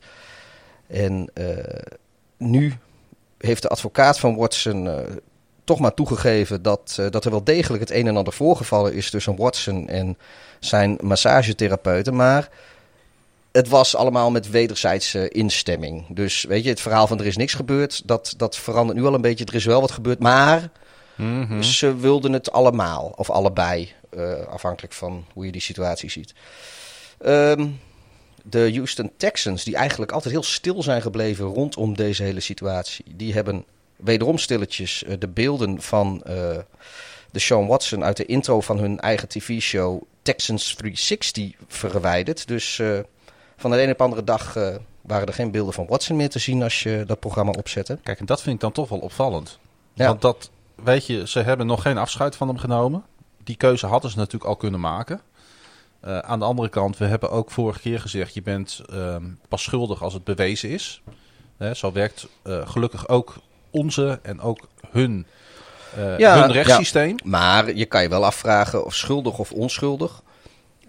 Je staat als team of als NFL staat natuurlijk ook vrij om je wel of niet te willen associëren met iemand die in zo'n situatie zit. Me dunkt. Absoluut. En blijkbaar wil in ieder geval de tv-show Texans 360, geproduceerd door de eh, Houston Texans zelf. Dus dat is niet eh, Mhm. iets van fans of van een lokale omroep eh, daar in, Texas. In Houston, het is echt van hunzelf. En die hebben de beelden van Watson verwijderd uit Nou ja. de intro. Eerste stap richting ontslag, vraagteken zou ik willen zeggen. Van, van Watson. ja, Nou ja, als dat zo is, dan is hij in ieder geval niet de eerste die ontslagen wordt naar aanleiding van dit hele Mhm. verhaal. Eh, die eer, twijfelachtige eer, komt een journalist van de Houston Chronicle, eh, valt hem te beurt. En nu meende ik dat die man Aaron Wilson heette. Ik heb dat niet opgeschreven, maar dat meen ik gelezen te hebben. En daar had ik het over met jou voorafgaand aan de show. En Ja, dat jij deed bij jou meteen een belletje rinkelen. Nou, Aaron Wilson van de Houston Chronicle, waar ken jij die man van? ja, die man is jarenlang Baltimore Ravens watcher geweest. Ah, En ik weet, ik, ik, ik, ik volg die man echt al jaren, omdat hij gewoon een... eh, op Twitter. op Twitter. Ja, ja. nee, anders, anders, anders kunnen we ook wel over. ook Niet met, beetje- niet met een zonnebril en een krant met twee gaten. dat ik daar een beetje door Houston loop te struimelen achter die... eh, Zo'n antennetje die uit je schouder komt, net als bij eh, B100 in Ja. Adriaan. Nee. B100. Maar goed, ja. Aaron Wilson is ontslagen door de Houston Chronicle. Ja, ik snap daar eigenlijk geen, eh, geen zak van. Want het is echt een, eh, een, een zeer eh, eh, gerespecteerd journalist. Nou ja, hij heeft eh, eh, blijkbaar in een radio-uitzending eh, ergens eh, halverwege maart, eind maart, een paar weken geleden in elk geval, heeft hij zich laten ontvallen dat eh, hij van mening is dat de vrouwen die Watson aanklagen, die, die vergeleek hij met eh, terroristen. En de hele zaak was eh, namens die dames een money grab. En eh, blijkbaar wilden eh, de mensen van de Houston Chronicle zich met dat soort uitspraken niet associëren. En, ik, ik vind het ongelooflijk. Ik, ik, ga, ik heb daar geen tijd meer voor gehad. Ik ga eens even uitzoeken hoe, hoe zijn Twitter-tijdlijn eruit ziet de laatste tijd. Want ik, ik kan het gewoon bijna niet geloven. Ja, goed, het is... eh, Iedereen heeft zo zijn, ehm, zijn, zijn go-to's hè, op Twitter. Ja, eh, als, je, als je NFL volgt.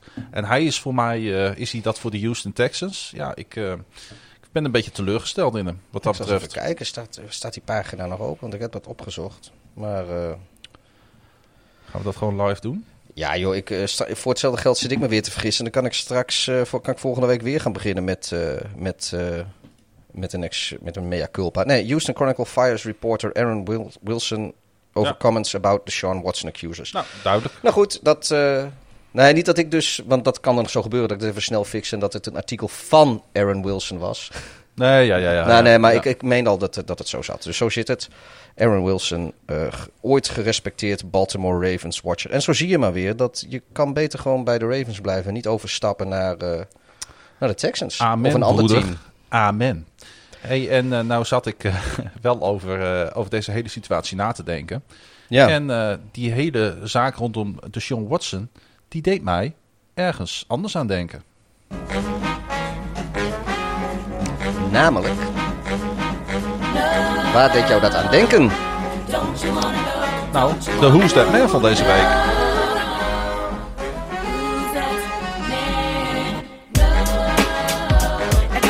En is dat dan? Nou, we hebben daar een beetje, eh, een beetje langs gepraat, wou ik bijna zeggen. Maar we hebben het er eigenlijk helemaal niet over gehad. Eh, terwijl het best wel nieuws was. Ehm, het gaat over Kellen Winslow II. Het is niet de eerste. Nee, want daar kom ik zo op. Eh Kellen Winslow II is de Who's That Man van deze week. Eh, hij werd namelijk vorige maand nog veroordeeld tot 14 jaar gevangenis voor meerdere verkrachtingen en andere seksuele misdrijven gepleegd tegen vijf vrouwen in Californië, waarvan één tegen een dakloze vrouw die hij aanviel in 2018.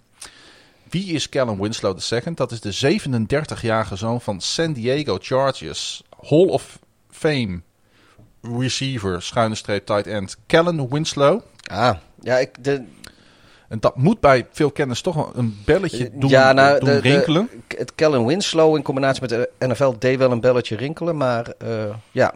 We komen zo nog even terug op, op Pa. Maar Winslow II werd niet geheel toevallig geboren in San Diego. Uh, want daar was zijn vader actief namelijk, ja. bij de Chargers. Um, natuurlijk uh, uh, van 1961 tot 2016 thuisstad van die Chargers. En uh, trouwens, dit doet het niet toe, het zegt ook niks. Maar ik moest even denken, ik denk, wie werd er ook weer nog meer in San Diego geboren? Dat was natuurlijk Tony Romo. Die we allemaal kennen als zeer geliefde CBS-commentator. En oud-quarterback van de Dallas Cowboys. Oh, dat, dat wist ik dan nee, niet. Nee, hè? Ja, ik moet je ook alles vertellen. Nee, uh, San Diego, kijk, en normaal gesproken, uh, als, als onze Who's That Mans of Womans uit illust, van, die, van, die, van die illustere plaatsjes komen, dan kunnen we er van alles over vertellen. Maar ja, San Diego is een stad natuurlijk bij iedereen bekend. Zevende stad uh, van Amerika. Met, grote, grote marinebasis ook. Ja, een heel groot sea aquarium volgens mij ook. En een oh, ja. bekende ja. dierentuin. En nou ja, goed, ja. volgens mij is het best wel een toffe stad om een paar dagen te vertoeven.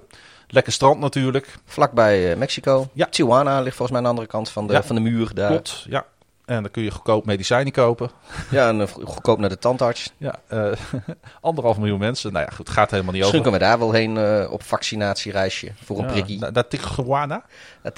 Ja, of, of, gewoon naar San Diego, want uh, daar prikken ze denk ik ook wel. Nou gaan we wel even terug naar Winslow. Want oh ja, sorry. eigenlijk is onze Who's That Man ja, een beetje terug. Eigenlijk niet eens zo'n heel leuk verhaal, maar toch in, de, in, in waar we het steeds over hebben met Watson, vond ik het uh, wel passend om, uh, om, om het hier toch eens over te hebben. Terug naar Winslow. Uh, want familie en vrienden schreven de afgelopen periode veelvuldig brieven naar de rechter daar in San Diego met um, volgens hun een soort van verklaring waarom die jongen nou geworden is tot de persoon die hij nu is. Want vijf verkrachtingen schuine streep aanrandingen is natuurlijk niet niks.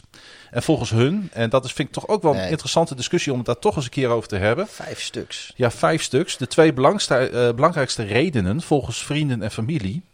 Hersenbeschadiging door het spelen van voetbal. In combinatie met een motorongeluk in 2005, waardoor hij in een zware depressie raakte. Deze Winslow II. En ook uh, zijn vader, dus de beroemde Hall of Famer, van de San Diego Chargers, ja. schreef een brief. Die brief kwam in handen van USA Today. En zijn vader schrijft in die brief hoe hij geprobeerd heeft zijn zoon eerder te laten stoppen met voetbal en de NFL. En ik ja. uh, ga daar een klein stukje uit voorlezen. Ik weet dat hij extreem boos op mij was toen ik de suggestie had gedaan dat het na zeven seizoenen NFL tijd was te stoppen. Ik weet niet hoe, maar het lukte hem nog steeds het lukte hem nog twee keer de medisch-fysieke tests met positieve resultaten halen en dus nog twee jaren te spelen. Toen was het wel duidelijk dat het over was voor hem, zijn zoon dus. Toch zat hij drie jaar lang naast de telefoon te wachten op een belletje van een NFL-team. Een belletje dat nooit kwam. Hij kon dat niet aan. Ook dacht hij dat er nog wel een soort wonderoperatie zou zijn voor zijn knie, zodat hij weer kon terugkeren in de NFL. Weet je, als ik dat dan ja, lees. Dat is wel pijnlijk hoor. Dat is zo pijnlijk inderdaad. Hoeveel uh, uh, uh, spelers, hoeveel mannen dus eraan onderdoor gaan. door die NFL-carrière zo ja.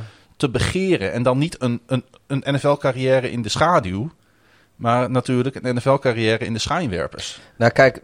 Waarbij die natuurlijk ook nog eens een Hall of Fame vader. Ja. Hè, als, Ja. als lichtend voorbeeld had. Kijk, het is natuurlijk ook niet zo dat. Kijk, wat je hebt in het gewone voetbal.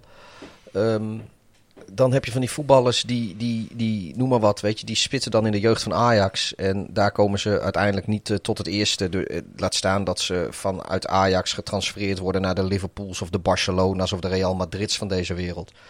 Maar eh, ze worden ergens door een club als FC Groningen uit de jeugd van Ajax opgeduikeld. En dan Mhm. hebben ze een hele leuke carrière in Groningen. En dan uiteindelijk, weet je, dat eindigt dan ergens bij Monza op het derde niveau in Italië. Of, of, of ergens in de Zweite Bundesliga voor, eh, voor weet ik veel wat voor club. Weet je, dat kan allemaal in... in eh, je kan als, niet, als, als behoorlijk goede profvoetballer...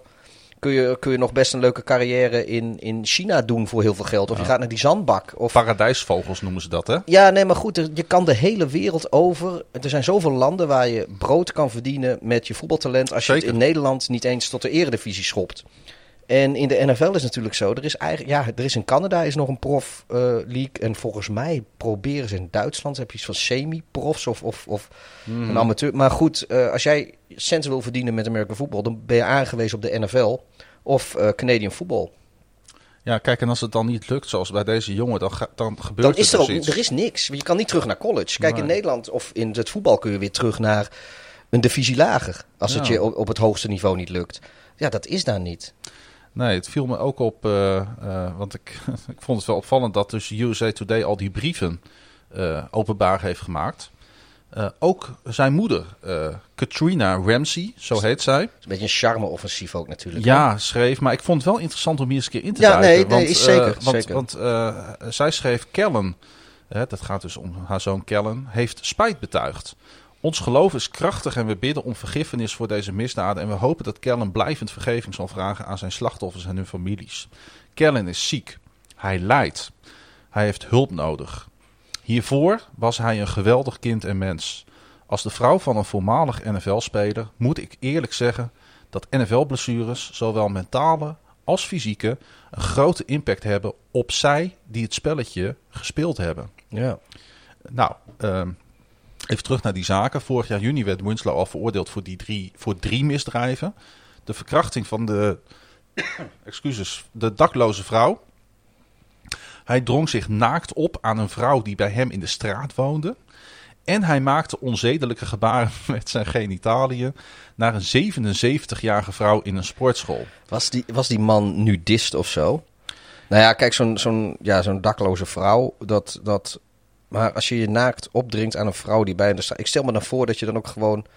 Hoe dring je je... na- loopt hij daar dan heen en dan doet Ja. hij zijn kleren uit en dan belt hij aan? Ja. Of loopt hij er eens een blote reet naartoe? Wat, wat, ja, Nee, nee, ja. Ik, ik hoef de details niet te... Maar dat, op de een of andere manier gaat mijn hoofd dan wel... eh, net als in die sportschool. Ik bedoel, ga je dan onzedelijk gebaren maken met je broek aan... of trek je die eerst uit? Nou ja, kijk, het is dus wel duidelijk dat er iets helemaal mis is gegaan bij Maar die dat, jongen. ja, la, laten we Laten we dat vooropstellen. Ja. Want eh, ja, mensen die Winslow nog steunen, die verzochten de rechter tot de laagst mogelijke straf eh, eh, te, te, te, te, verleiden. En dat was 12 jaar? De laagst mogelijke straf is 12 jaar. Hij, Oh, dat dus, vind ik nog behoorlijk pittig voor een laag, de laagst Ja. mogelijke straf. hij heeft dus 14 gekregen. Eh, ook omdat Winslow tot een, ze noemen dat volgens mij een plea deal Oh, in, ja. in, in Amerika.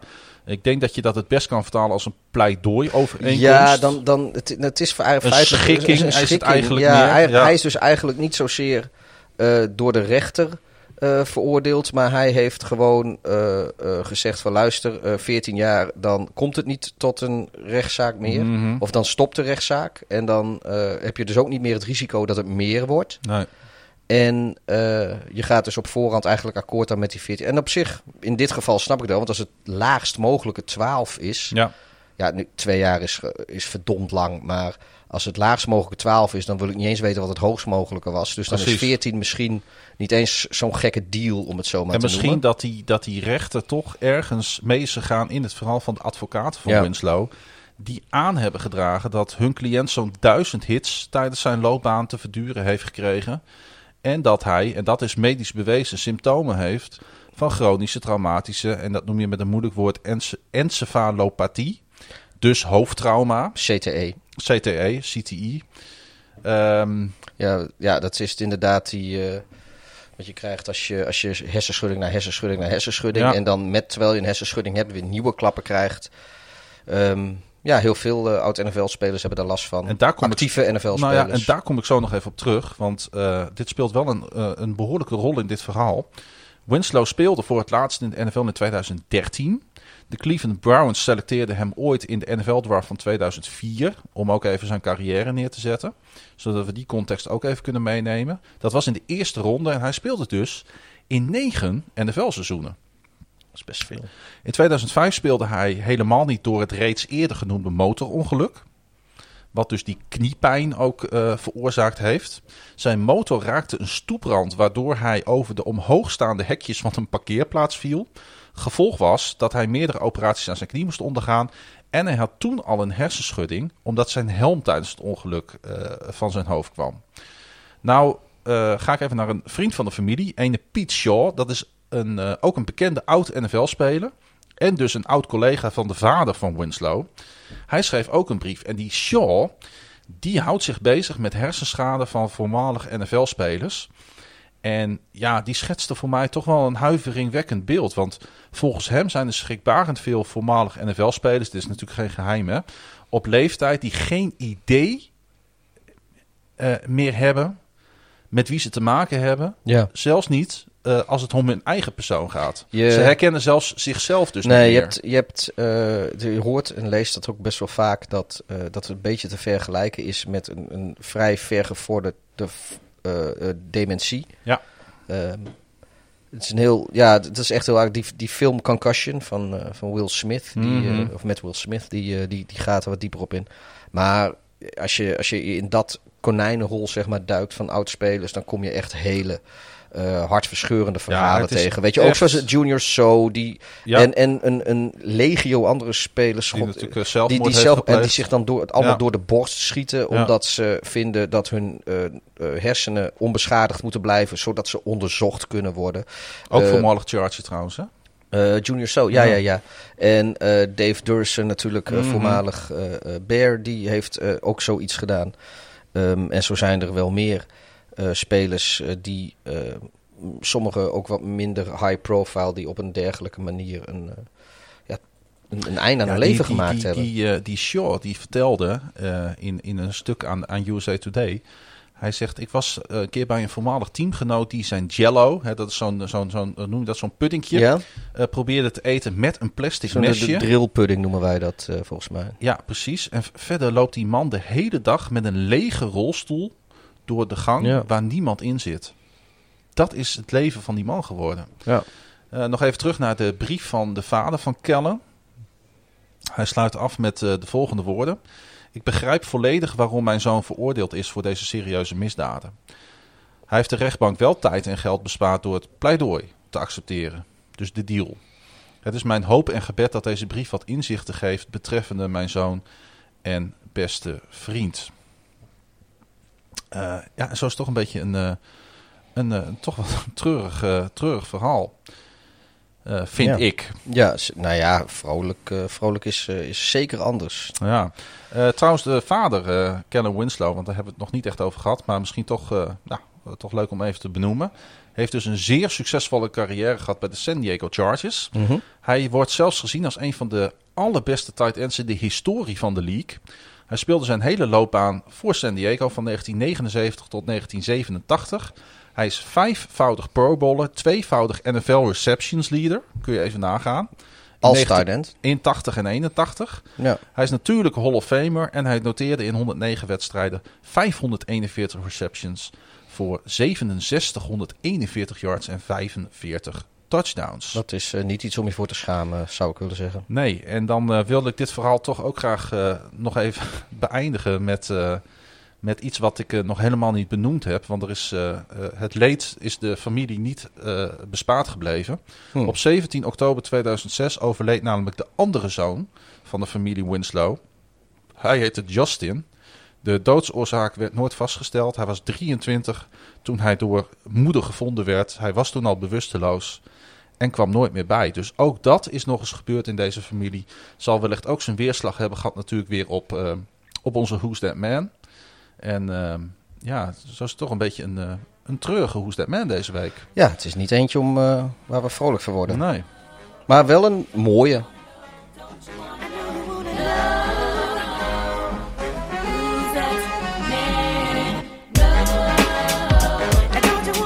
De Who's That Man van deze week is dus eh, voor Kellen Winslow the second. Hey, gaan we naar het eh, laatste onderdeel van eh, de podcast van, deze, van deze keer, deze aflevering. En we hebben, omdat we natuurlijk, ja, de vorige keer hadden we, de vorige twee keren hebben we goede trades en slechte trades steeds benoemd. En die hebben we in Ja. een soort van top 6 gezet. Ehm, en toen dacht ik van, ja, we hebben het ongelooflijk veel gehad. Ook deze uitzending over de Patriots, over de Jets, de 49ers, de Dolphins. Dat zijn teams waar we Ja, het het- relatief veel over gehad hebben. En dat, Dat, geeft eh, niet. Want nee, daar- dat, nee, maar dat valt me inderdaad ook, ook een beetje Ja. op als met, die- met die script steeds. Dat eh, het, het, het concentreert zich om, om ongeveer de helft van de teams. Ja. En eh, dat, zijn, ja, dat zijn dan de actieve teams. Ja, en eh, waar het nieuws is, daar moeten wij het over hebben. Dus zo raar is logisch. dat niet. Ja, Eh, ik schaam me nergens voor, eh nee. Ik zou het zo weer, weer, doen. doen. Maar laten we ook eens even een aantal teams bespreken waar, we, ja, waar het sinds de Super Bowl relatief rustig is. Hè, sommige teams hebben sleutelspelers laten gaan, maar als het dan gaat om nieuw vlees in de kuip, hebben ze de headlines niet echt gehaald. Mhm. En ik wou er even een paar eh, ja, kort doornemen. Ik zie dat je begint bij mijn grote vrienden. Ja, van de Green Bay Packers. Want ehm, laten we daar eens even op inzoomen. Hoe die eh, free agency tot nu toe eh, zijn doorgegaan. Ze hebben een aantal spelers verloren in eh, Green Bay. Mhm. Ik denk de belangrijkste vond ik die center, hè, Ja, Corey, Corey Linsley. Linsley. Ja. Eh, maar natuurlijk ook running back Jamal Williams en linebacker Christian Kirksey. Ehm, Ja. Wat hebben ze nou wel gedaan? Ze hebben natuurlijk running back Aaron Jones geresigned. Hebben we het uitgebreid over gehad. Ja. Tight end Mercedes Lewis en cornerback Kevin King. En wat hebben ze niet gedaan? Nou, dat, Ja, dat geherstructureerde contract voor quarterback Aaron Rodgers. Die is er nog niet. Die is er nog niet. En Nee. ik denk ook niet dat die er gaat komen. We hebben het, eh, zeker ik heb het volgens mij een aantal keer genoemd dat ze daarmee bezig waren of dat dat zou gebeuren. En er is zelfs, eh, nou ja goed, dat was de geruchtenmolen toen. We hebben dat destijds Mhm. al niet al te, eh, we hebben het niet als al te realistisch gekenschetst, maar dat, eh, dat Rodgers misschien wel eens eh, zo langs of weg zou kunnen gaan naar Green Bay. Eh, nou, dat gaat dit seizoen niet gebeuren, maar als ze dat contract niet herstructureren, dan zou het wel eens zo kunnen zijn. Maar dan, dat is natuurlijk ook al eerder gezegd, de langste tijd van Aaron Rodgers in Green Bay. nou, of, laat ik zo zeggen dat Green Bay niet Rodgers een NFL-eindstation is. Die kans wordt wel steeds groter, Ja. denk ik, hoe langer dit duurt. Dat is absoluut waar. Maar laten we dan eens even inzoomen op die situatie. Want het is natuurlijk wel een, een, een, eh, een weloverwogen beslissing geweest, ga ik even vanuit, om geen cap space te creëren door Rodgers die nieuwe deal aan te bieden of te geven. Lijkt mij. Want nou, ze zijn wel bezig geweest. Dus het kan natuurlijk ook zijn, eh, wat dan misschien, tenminste... Kijk, het lijkt, nou niet doen alsof ik eh, wekelijks bij Aaron Rodgers op de koffie kom... of bij general manager Brian Gutekunst van, eh, van de Packers. Dus, dus insider ben ik daar bepaald niet. Maar ja, er waren vrij duidelijke verhalen of, of vrij eh, hardnekkige geruchten... dat ze bezig waren met de herstructurering. Die is er vooralsnog niet. Dus het zou heel goed kunnen dat ze het gewoon niet eens werden dat eh, wat Green Bay bood, dat dat Rodgers eh, niet naar de zin was. Of dat wat Rodgers vroeg Green Bay niet naar de zin was. Want wat de Packers dan natuurlijk hadden kunnen doen, dan hadden ze een groot deel van zo'n deal kunnen omzetten naar een signing bonus. Hè, dat is een boekhoudkundige truc die je veel hebt gezien de afgelopen maanden. Ja, Dan zou er, let wel, 16 miljoen dollar vrij zijn gekomen. Ja, en dan hadden ze natuurlijk wel eh, eh, bijvoorbeeld een, een, een, een goede tweede wide receiver kunnen binnenhalen. Ik noem maar wat. Een, eh, een, dan hadden ze in de mix kunnen zijn voor Will Fuller, om mijn part. ja. Nee, dat, dat is ook zeker zo. En, Maar dat gebeurde dus niet. nee, en we weten ook niet of dat dus was omdat de Packers niet met een acceptabel bod kwamen wat Rodgers betreft. Of dat Nou. Rodgers gewoon niet echt eh, eh, Ik, ik, ik, ik, voornemens was om... eh, ik heb hier eh, best wel even over nagedacht deze week. En ik denk dat het een bewuste actie van de Packers is geweest. Eh, door niet aan het contract te sleutelen, kan het namelijk makkelijker worden om in de komende twee jaar afscheid te nemen van Rodgers. ja. Als ze hun quarterback bijvoorbeeld traden na het seizoen 2021, betekent dat 17,2 miljoen dollar aan dead money. Mochten ze wel voor een nieuwe constructie eh, zijn gegaan, zoals hè, net benoemd, zou dat bedrag zijn gestegen naar 33,2 miljoen dollar. En dat lijkt mij een ongelooflijk goede reden om niet die herstructurering aan te gaan. Ja, ja, weet je... Dan ik- heb je nu even de financiële pijn ervan, maar dan heb je hem dus volgend jaar niet. Nee, maar eh, heb je dan nog... Hoe lang ga je dan nog met Ro- Rodgers spelen? Ik bedoel, het is wel Aaron fucking Rodgers, weet ja, je? maar de Packers kunnen, eh, want ik heb ook even eh, vooruitgekeken naar volgend jaar, het volgens mij gewoon niet leiden. Voor volgend jaar staat Green Bay namelijk nu al geprojecteerd op 27,3 miljoen over de cap. Die Mm. waarschijnlijk gaat stijgen naar 192,5 miljoen dollar. Ehm, en dat is dan nog zonder, want dat gaan ze waarschijnlijk wel doen, het opnieuw tekenen van eh wide receiver Devante Adams. Jij denkt, ja, zou, zou- Ik denk dat, ze, dat, dat dit de achterliggende reden is. Ik denk dat, ja, dat is, ik denk dat de cap volgend seizoen, eh, ervan uitgaande dat we vanaf september met volle stadions kunnen spelen, eh, ook gezien die nieuwe tv-deal die er is, Ja. denk ik dat eh, volgend jaar de cap Gaat zo hij- gaat- gaat naar maar zo- 200? Ja, ik denk dat hij naar 200 gaat. Ik denk dat ze de daling van nu meer dan compenseren en dat ze gaan naar waar ze ook dachten het anders. Maar- Maar, goed, dat is even los dan- van dit verhaal. Daar staan ze nog steeds. eh, maar dan nog, hè? komen ze nog steeds 20 miljoen eh, Juist, te dan, veel. dan, dan komen ze nog steeds veel te veel. Ehm, en mochten de Packers, want dat zou natuurlijk ook heel goed kunnen, Rodgers gewoon willen behouden naar 2021. Dan zou het logisch zijn eh, dat ze dan om de tafel gaan zitten om die cap hit, want dan wordt de cap hit 40 miljoen, om die in 2022 te voorkomen. Ja, dus er, alleen. is, er is misschien, je zou ook gewoon kunnen zeggen, er is nog niet zoveel aan, de hand voor de Packers. Ja, maar volgens mij is Aaron Rodgers is natuurlijk, die heeft wel zoiets van: jongens, luister, ik wil gewoon nog, een, nog één of twee ringen erbij. En eh, Mhm.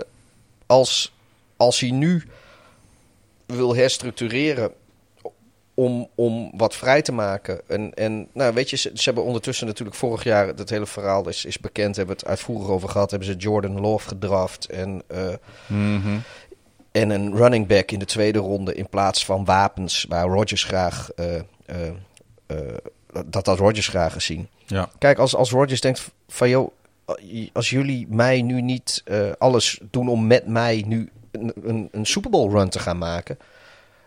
Waarom zal ik eh, dan volgend jaar of over twee jaar dan nog een keer... Want dan is hij, loopt hij ondertussen ook tegen de 40. Want hij is volgens mij Mhm, om en bij de klopt. 37, eh, onze grote vriend Rodgers. Weet je, waarom zou hij dan niet gewoon een, eh, een trade vragen... en dan zeggen van, "Well, weet je, ik ga wel, noem maar wat, naar New England. Ik, ik, al die Patriots fans die, die worden daar denk ik heel opgewonden van, van, van dat idee. Maar waarom, waarom zal Rodgers dan nog zich aan Green Bay gaan committeren? Maar goed, dat is... weet je, Green Bay is meer dan alleen Aaron Rodgers. eh. Nou, laat ik het zo zeggen. Er is iets voor te zeggen dat de Packers niet herstructureren. nee, dat klopt. Laat ik het dan zo zeggen. En er is natuurlijk nog een andere reden, vind ik, eh, waarom het misschien stiller is gebleven bij de Packers dan veel fans of volgers dat hadden verwacht. En dat is natuurlijk dat onder die kunst en coach Matt LeFleur de Packers wel hebben laten zien wie ze zijn en waar ze toe in staat zijn. Ja, ze hebben geen misselijk team. Nee, en ze hebben ook niet per se die big time receiver nodig, waar Rodgers wel een beetje om vraagt. Want als iemand heeft laten zien eh, dat hij iedereen kan bereiken, bijna, ik zou bijna zeggen wie het ook is, dan is het Aaron Ja, Rodgers. maar nou, weet je, misschien hebben ze dat juist wel. Kijk, het is leuk hoor dat ze in Green Bay eh, het ieder jaar tot, eh, tot in de playoffs of tot zelfs NFC Championship games schoppen. Maar dan spelen ze tegen de Niners, eh, dit jaar tegen de Bucks. En dan worden ze gewoon geëxposed. En ze, het is ook niet, dan blijkt in één keer dat dat, dat gat is gewoon. eh, dat, was tegen, dat was tegen de Bucks in het reguliere seizoen zo. Dat was toen tegen de Niners zo. Als, dan, zij komen gewoon tekort voor de absolute top van de NFC. En dat Ja. blijkt wel als ze in.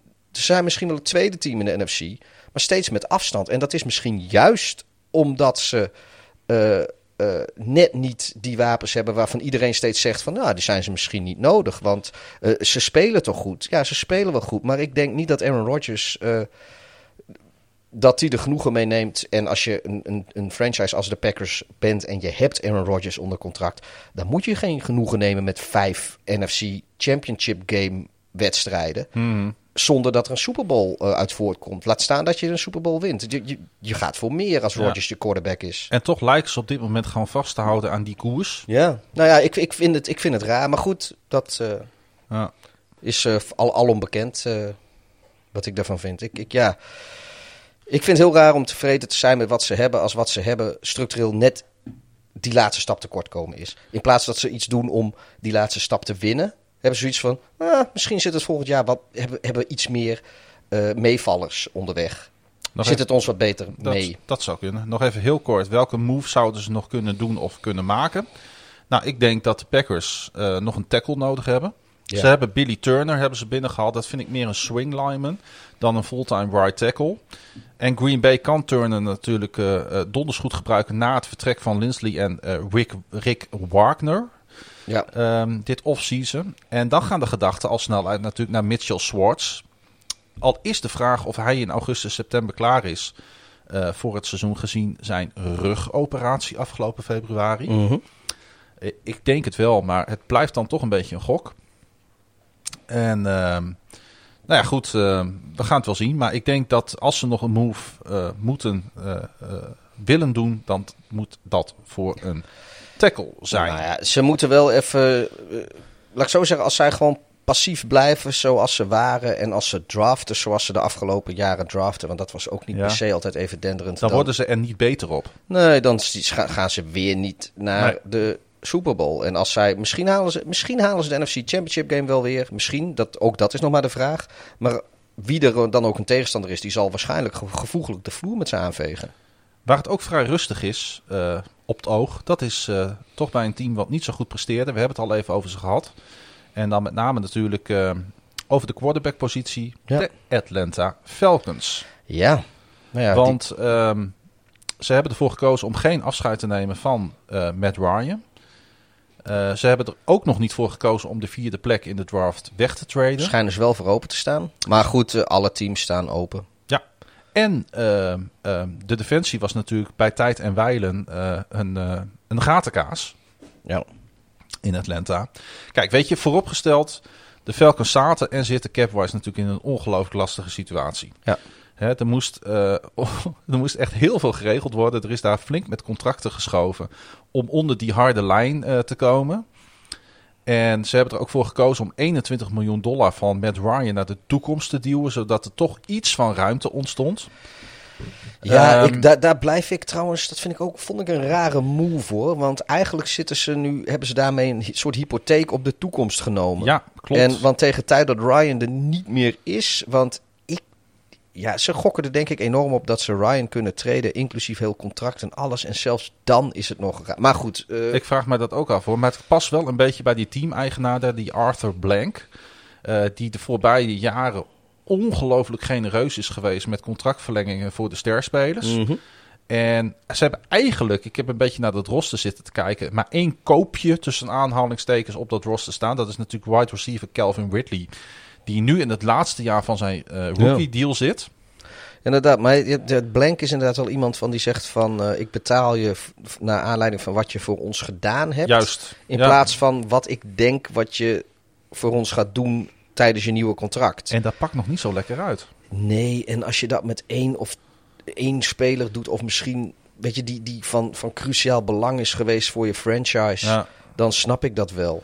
Maar eh, dat en- moet je niet bij meerdere spelers Nee. doen. En zeker niet als, als ze niet jou in ieder geval een paar enorme prijzen opgeleverd hebben. Maar goed, jij hebt het over een trade voor Ryan. Dat zou natuurlijk best kunnen, maar ze hebben nu gekozen, eh, in tegenstelling tot de Packers, voor wel een eh, duidelijke herstructurering van, eh, van het contract van hun franchise quarterback. Ja. Daardoor wordt het, want dat is, ik wil die twee dingen even naast elkaar zetten.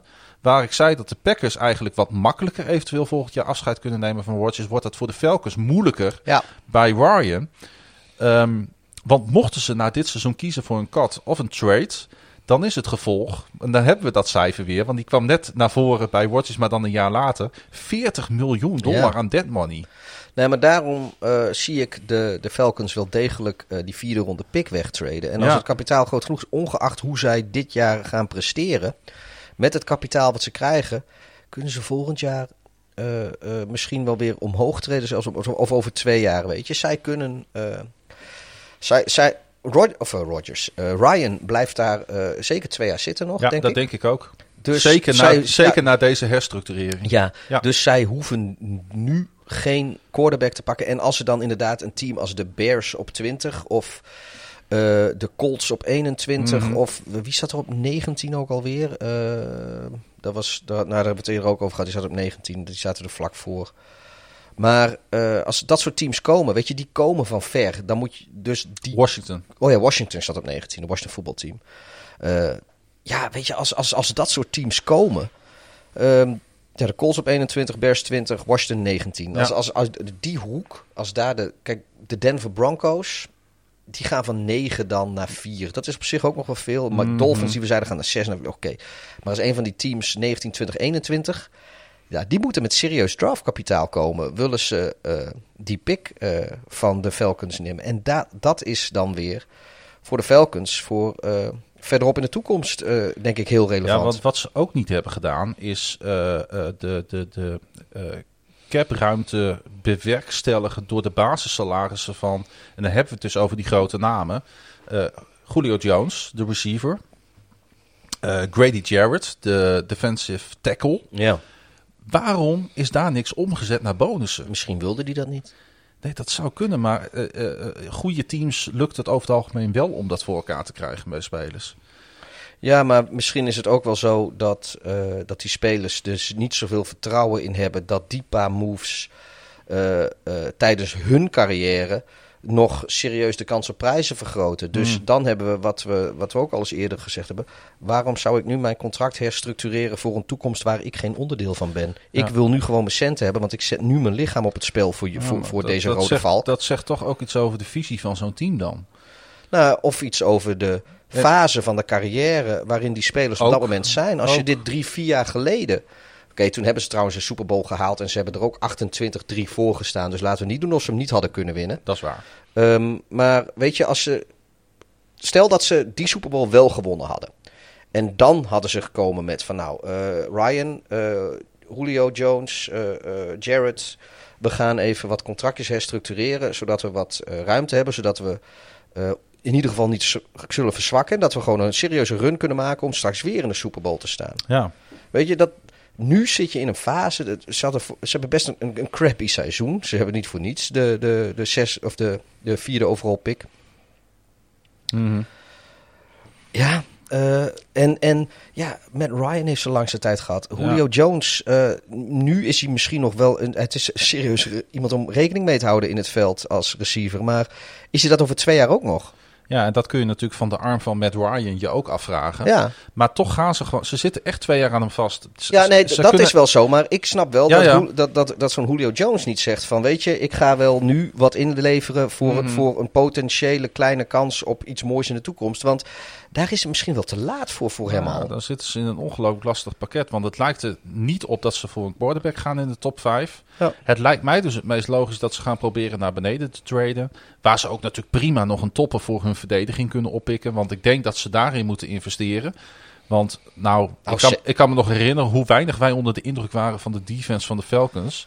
Wat wel iets beter werd toen die eh, Raheem Morris daar kwam. Want die man weet echt wel wat verdedigen is. Zeker als het een team als de Dolphins is om, om- als trade partner, omdat die zich 100% van Kyle Pitts willen verzekeren, Mhm. bijvoorbeeld.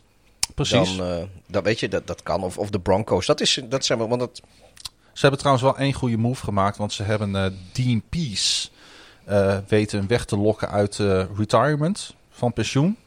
Hij heeft natuurlijk een grootse reputatie als een van de beste defensive minds in de, in de sport. Ehm, hè, we kennen hem natuurlijk als, als voormalig eh, eh, coach bij de Titans. mm, Ja. En ik zag dat ehm, de- 1 plus 1 is 2, dacht ik. Eh, safety Kenny Vaccaro. Vaccaro, ik heb geen idee. Ik denk Vaccaro. Die, die is nog beschikbaar. En die heeft natuurlijk lang bij Tennessee gespeeld. hmm. Ik dacht, nou, misschien is die nog voor een paar miljoen op te pikken door de, Ja. door de Falcons. Hebben ze daar in ieder geval een goede even bij speler een, staan. bij een oude bekende terecht te komen. Precies, maar goed, dat is even een sidestep. Ehm, volgende team, Pieter. De- In onze top 6 teams waar het een beetje stil is. De LA Rams. Ja, Die, eh, die hebben natuurlijk safety John Johnson verloren. eh, cornerback Troy Hill. Troy Hill, dat is echt een verlies. Ja, oh, eh, outside linebacker Samsung Ebukam. E- Ebukam. Ebuk- Maar goed, wat, wat natuurlijk wel spraakmakend was, was de trade. dat ze tussen, tussen de, de, de Rams en de Lions. eh, Mhm. De Lions die, eh, die kregen Goff eh, vanuit Los Angeles opgestuurd. Maar daar kregen de Rams natuurlijk Matthew Stafford voor terug. Ehm, de mij niet onbekende Leonard Floyd is geresigned. Voormalig achtste overall draft pick. Als ik me niet vergis, kan ook negen geweest zijn. maar Ik meende acht. En ze hadden nog wat meer zaken met de Lions te doen. Ja, want defensive end Michael Brockers is ook naar de Lions gegaan. Eh, dat gaf wat cap space. Ja, dat, eh, moest, dat moest ook echt wel. Maar ja. ik, ik, ik ben nog niet zo onder de indruk van het roster van de Rams voor komend jaar. Ehm, ik zie toch wel veel gaten in de verdediging. Ehm, ehm, ik vind ook dat ze in hun offensive line moeten investeren.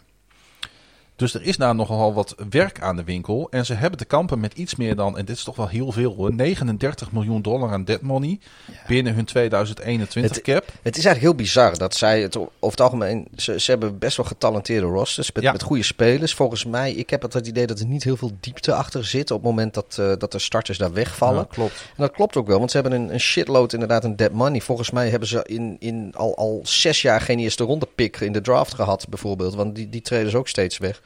En dat En- heeft natuurlijk alles te maken met... eh, ze doen het goed hoor, als je, als je die dingen... Ja, ja. Want iedere golf zei iedereen zijn waardeloos contract. Nou, ze halen seizoen na seizoen de play-offs. Je hebt nooit eerder eerste ronde draft picks, maakt geen reet uit. Ze, ze, bestaan, winnen, ze, bestaan- winnen hun ze- divisie ze steeds. bestaan om te winnen. Ja, ze, ze- sinds zij verhuisd zijn naar, eh, naar Los Mhm. Angeles, eh, doen ze het wat dat betreft heel goed. En als je Ah. dat dan vergelijkt met, met eh, of afzet tegen hun eh, draft picks en hun eh, eh, cap management, wat eh, met de conventionele kijk die wij hebben, zegt van, nou, dit, wat is dit voor, voor, voor knakenbeleid? Mhm. Daar moest een keer knaken nog even komen. Heel goed. Maar wat is dit voor knakenbeleid? Maar het blijkt gewoon dat, dat het, het sorteert wel effect, maar... Het kost ze wel ongelooflijk veel geld steeds. Ja, en ehm, nou, ze hebben natuurlijk de Super Bowl gehaald, of ze verloren. Die ene waar Edelman eh, MVP werd. En eh, dat, eh, ja, dat was misschien ook wel op dat moment ook weer maximaal haalbaar. Zeker met een quarterback als, als Goff, denk ik. Want als ze toen Stafford hadden gehad, dan eh, was het misschien wel anders gelopen. Maar hadden ze toen moeten verlengen met Goff na die eerste drie jaar? Nee, maar nee. nee. Nee. Aan de andere kant, ze hadden ook... Ze kunnen... Weet je, Goff deed het op zich best wel goed. Totdat hij eh, found out was. Maar toen was er al verlengd met hem. Ja. Op een gegeven moment uh, waren je defenses. Het begon met de Lions. En toen had je de Bears. En toen had je de Eagles en de Patriots. Die hebben allemaal op een gegeven moment hebben die ontdekt... hoe je uh, die offense en Goff uh, het heel lastig kan maken. En ja, sindsdien is Goff ook gewoon... als je die statistieken afzet... Van voor en na die wedstrijden. Mm-hmm. En dan met name die tegen de Lions en uh, iets later in dat seizoen tegen de Bears. Vanaf dat moment uh, zijn die hele goede cijfers van Goff wel een beetje weg. Maar toen was er al verlengd. Ja. En je ziet hoeveel dead money en alles al hebben en hadden. Nou, het is echt ongelooflijk, want die, die 39 miljoen is nog niet alles. Want ondanks de moves met Floyd en Brockers staan deze twee spelers ook nog eens voor een bedrag van in totaal 6 miljoen dollar aan dead money. Uh, wat weer te maken heeft ook met aangepaste contracten van vorig jaar. Ja, ja dan, dan sta je er financieel toch wel heel slecht voor hoor. Ja, en, en, en, en, en dan kom je met Deshaun Jackson op de proppen. Nou, daar snapte ik, dat heb ik al een keer eerder maar benoemd, ze, helemaal niets van. Nee, maar aan de andere kant, weet je, ze halen wel eens vaker van die veteranen naar Los Angeles. En in één keer blijken ze nog wat te kunnen. Wat hebben ze daar? Ze hebben daar Cooper Cup rondlopen. Ze hebben daar nog een paar goede receivers rondlopen. Ze hebben hem helemaal niet nodig, joh. En dan ja, hij krijgt best veel geld ook, vind ik nog wel. Ja, dat vind ik eigenlijk ook wel. Ja. ja. Kijk, ik snap het geld voor Floyd, snap ik wel. Ja. Uh, hè, uh, je, hebt ook, je bent Brockers verloren. Um, uh, die, die, die, ik vind ook die, een bedrag uh, voor een speler als Floyd. Ze zijn nu 32,5 miljoen dollar kwijt de komende twee jaar. Vind ik acceptabel. Gezien zijn dominante prestaties als passwasher af, het afgelopen seizoen. Um, ja, maar verder, ik zie het gewoon nog niet helemaal in LA. En ze hebben geen cent te makken. Nee, um, dus we kunnen wel even gaan kijken naar... Het zal uh, lastig worden daar. Naar de moves, uh, wat ze eventueel nog zouden moeten doen of zouden kunnen doen. Maar ja, weet je, het, is, uh, het houdt allemaal niet over met ze. Nee, um, nee, nee. Ja, ze, hebben zo, ze moeten in hun offensive, uh, of, in hun aanvallende linie ja. investeren. Want anders gaat Stafford het ook in LA moeilijk krijgen. Ik denk wel dat Stafford met een slechte O-line stukken beter is dan, dan Goff. Stafford is mobieler, Stafford is sneller in zijn handelingen. En ja, Stafford is kunnen. meer een gunslinger. Die uh, als, als, als de play, uh, uh, zeg maar, op ze, op ze, ja, als het niet werkt zoals gescript. Dan heeft Stafford wel een beetje wat bijvoorbeeld Aaron Rodgers ook heeft. Mm -hmm. van nou, dan, dan vind ik zelf wel een oplossing. Uh, Mahomes heeft dat bijvoorbeeld ook. Uh, ja, maar de en en Goff heeft dat totaal niet. Maar hoe dus dat zijn wel quarterbacks die achter een slechte O-line iets beter tot hun recht komen dan eh, Goff. Ja, of, of bijvoorbeeld een eh, eh, Kirk Cousins die we eerder eh, besproken hebben. Grootste prestaties gaan het dan niet plaatsvinden in LA bij de Rams. En Of je daar de Super Bowl mee haalt, is inderdaad nog maar de vraag. de interior van hun line vind ik ongelooflijk mager op dit moment. En Ja. eh, ik vind dat ze in ieder geval eh, nog een guard moeten halen. En ik zag dat Nick Easton van de Saints nog beschikbaar is. Nou, maar misschien kunnen ze die verleiden. Hey, we gaan naar de Saints. Ja. Een eh, team wat wij natuurlijk alles eh, al een paar keer benoemd hebben als grote problemen. Ja, die als het gaat om de cap. De die hadden echt cap, eh, Een- cap hell. Een cap nachtmerrie. Ja. Ja, die moesten hun verliezen slikken. Want dat was niet anders. En ondanks de penibele situatie is het wel opvallend dat de Saints ehm, toch vasthielden aan backup running back Latavius Murray. Mhm.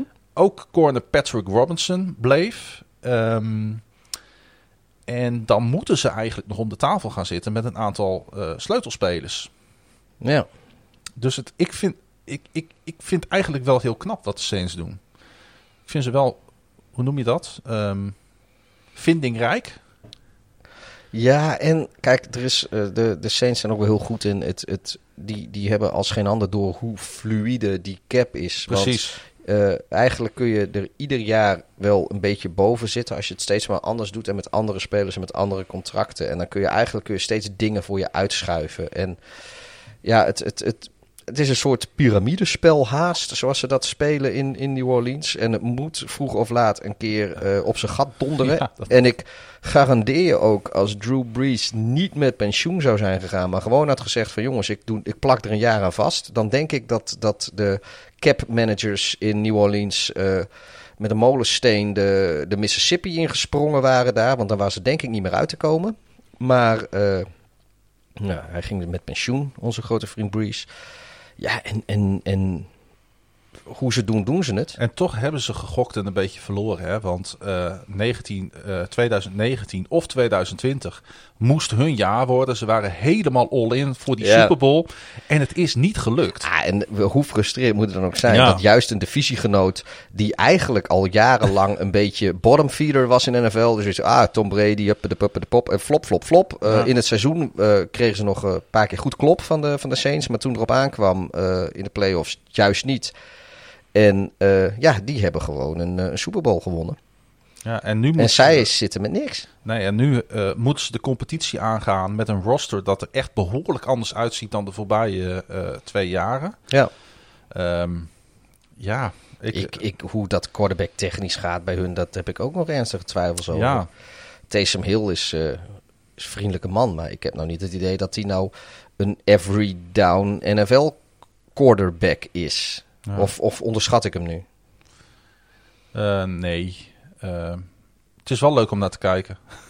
ja, ja, maar het is dus leuk omdat het een soort eh, gimmick is. Het is een gimmick, ja. En James Winston. Ja, Is dat ook? ja maar goed. Ehm, Goed, Ja.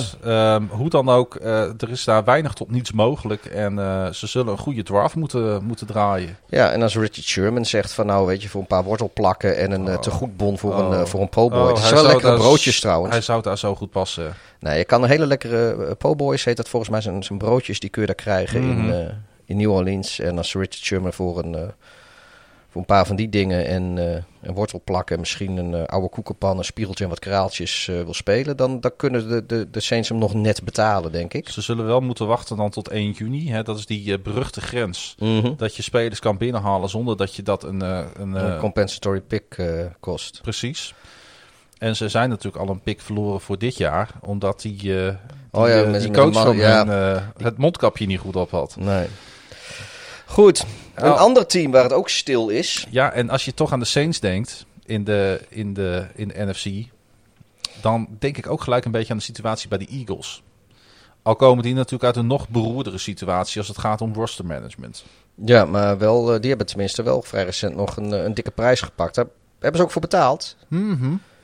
Maar wat dat betreft doen ze het al beter dan... Er zijn Dan natuurlijk wel, Saints zijn natuurlijk wel een paar voor de fans grote namen vertrokken. Eh, defensive back Jalen Mills, eh, Jason Peters, de offensive tackle en de linie offensief was al niet je van het.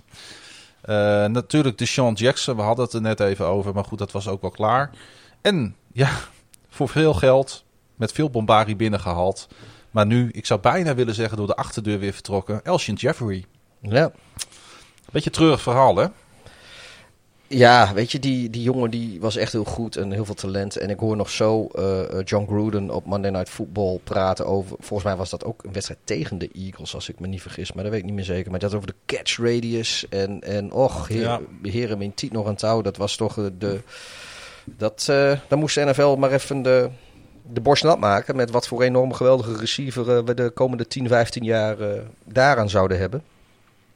Nou goed, niet, niet veel later eh, hebben de Bears hem naar de Eagles getraind. Hij, heeft natuurlijk, hij zat er wel eh, eh, om de Super Bowl te winnen. Dat heeft hij volgens mij nog wel net gedaan. Of zat hij het jaar daarna? Nee, volgens mij Ja. heeft hij dat nog net gedaan. Maar goed, ehm, ja, weet je, het, het is heel zonde. Het die is man zonde, is... ja.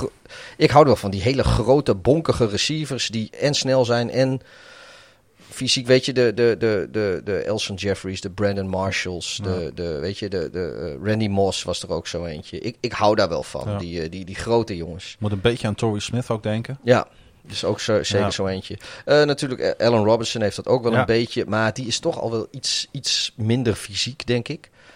Ehm, maar goed, ja, dat is... eh, Wat deden ze nou wel? Nou, eindelijk eens eh, af zijn van die situatie met Carson Wentz. Ja. Die natuurlijk naar Indy ging. ze hebben wel rust in de kleedkamer nu. Rust in de kleedkamer met eh, Joe Flacco. Ja, ik denk de perfecte quarterback als je rust wil hebben. Ja, wel heel rustig. Wel heel rustig inderdaad. En, en wat ze wel deden, en dat was natuurlijk wel een briljante zet. Dat was Anthony Harris binnenhalen. De, de, de, de, ja, misschien wel de beste safety in de league. Ik heb geen idee. Eh, in ieder geval top 5 voor mij. En eh, dat vond ik echt een geweldige deal. Ja. Eh, wat deden ze niet? nou, meer hulp toevoegen op de positie van linebacker. Of überhaupt meer aandacht voor de secondary. Waar, waar, waar grote problemen liggen. En wat ze wel wouden, maar ook nog niet is gelukt, is het wegtreden van Zach Ertz. De tight end. Ja, willen ze er per se vanaf of moeten ze er vanaf? nou, ze, Eh, ze- ik, ze- ik kan me voorstellen als, als Hurts daar gaat spelen, als, als dat inderdaad het geval gaat zijn. En dat lijkt er wel een beetje op, aangezien zij weer eh, Mhm. van hun relatief eh, hoge draftpick... zijn zij weer een beetje, hebben ze weer een beetje van weggetrade natuurlijk met de Dolphins. Dus ze doen in ieder geval niet mee met de quarterback sweepstakes, heb ik het idee. Nee. Ehm, ja, dan is het denk ik wel prettig om een veteraan en een safety blanket als Urge te hebben. Eh, voor, eh, voor Hurts, Urge, weet je, het kan een, eh, kan een leuke combinatie worden voor, voor hem. Of voor, voor, voor Hurts. Ik vind Ertz... Ja, het is een beetje ja. Hurts. nou ja, Ertz, weet je, dat is een speler die ik vaak heb gekozen in, in mijn fantasy team. En eigenlijk altijd tegenviel. Ja, maar dat is, dat is net als. eh, dat is vaak zo met tight ends. Dat was met Kyle Rudolph van de Vikings natuurlijk Ja, ook zo. dat Dat, is zo, speler die, die, die start je week 1 en week 2 en week 3. En dan haalt hij één of twee of geen punten. En dan zet je hem op de bank en dan ga je, noem maar wat. eh, Hooper heb je dan in één keer ergens opgepikt. Want Ja. die, die, is, die was nee, helemaal de Dit, dit klinkt beste. heel bekend. Nou, en dan doet die Austin Hooper, die, die bakt er weer geen pannenkoek van. En, en in één keer heeft Urge speelt een twee of drie touchdown wedstrijd. Of Kyle Rudolph ook. Weet je, dus ja, Even terug naar de Eagles. Hè. Eh, dit wordt natuurlijk gewoon weer een klote jaar voor ze. Die moeten gewoon weer door die zure appel heen bijten. Door Wens weg te treden hebben ze te dealen met, let op, 33,8 miljoen aan dead money. Maar dat is nog niet alles. Met de release van Jackson en Jeffrey loopt de dead money hit op naar 40 miljoen. Alleen al voor dit jaar. dat vind ik wel serieus bedragen. eh, ja, Klaas. en mochten Jan. ze dan ook Urge nog eens wegtreden voor 1 juni, wat naar verluid dus wel de bedoeling is, loopt hun dead money hit op naar 50 miljoen. Ja, Ja. maar er is ook licht aan het eind van de tunnel, want ik zag dat ze voor volgend jaar al projected zijn op eh 32 miljoen dollar aan cap space. Nou, hè, en dan waarschijnlijk Ja, dan... dus dit is, en dit dan is is er een mooie 2021 is echt een zure appel. Dit is een zure appel de- voor de Eagles. bijten, Dat, ja. is, het was, dat is eigenlijk mijn constatering van de situatie in, eh, in Philly. Als je, als, je een, eh, als Eagles-fan moet je, denk ik, inderdaad dan maar door dit jaar heen bijten. Ga je dan, hoe kijk je dan naar zo'n seizoen?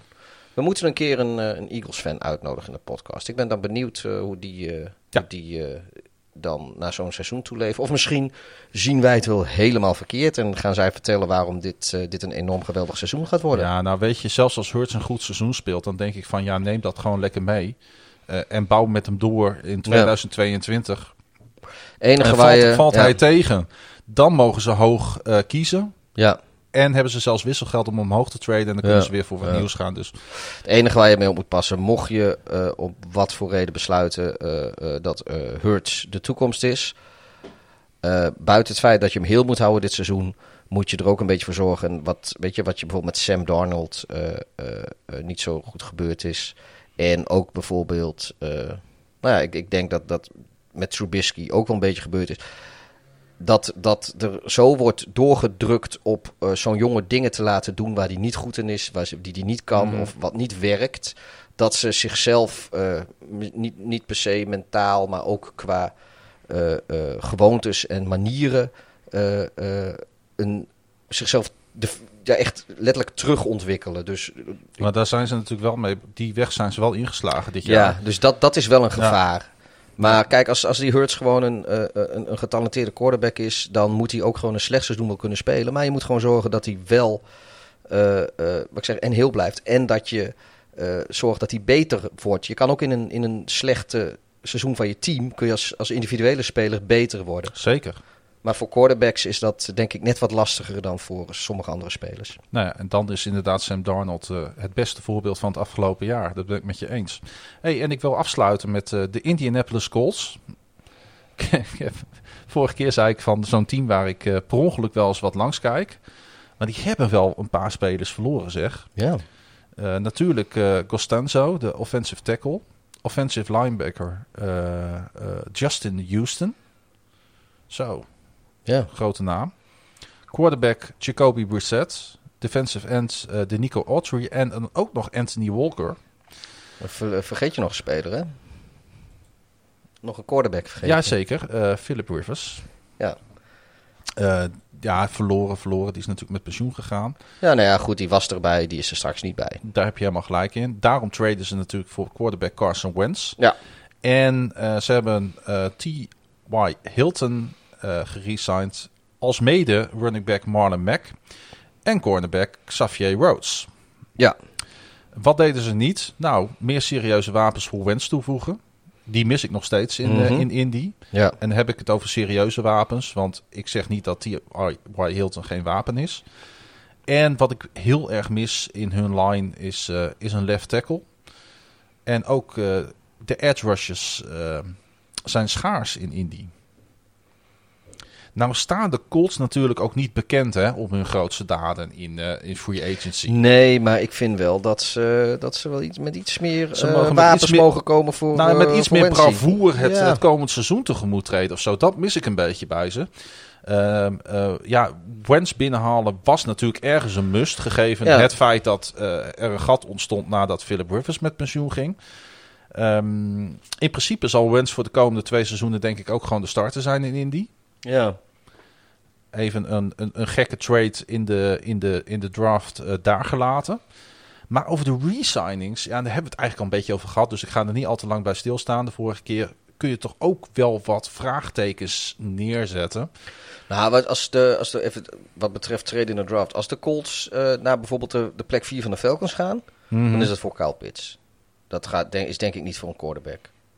Dat denk ik ook niet. Dat klopt. maar daarom denk ik, weet ik ook, denk ook niet dat het heel realistisch is. Want Nou ja. als, ze, als van 21 naar 4 in deze draft is heel duur.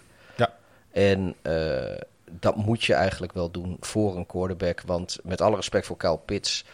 Weet je, achteraf was misschien Rob Gronkowski bijvoorbeeld eh, wel waard wat hij waard was.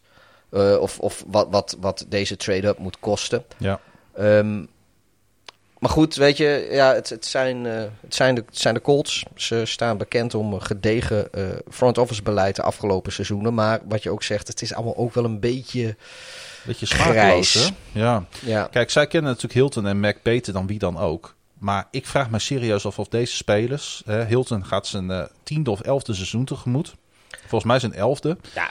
Ja, gaan die de Colts nog naar een hoger niveau tillen? Ja, ik denk het niet, Pieter. Ja, weet je, Hilton wel, maar niet als hij het enige eh, significante wapen is qua receivers. Weet je, Nee. dat, dat, dat gewoon niet. En Mac, ja, Mac ben ik op zich wel fan van. En eh, kijk, als je een running back als Marlon Mack aan je kan binden voor niet al te veel geld, eh, Mhm.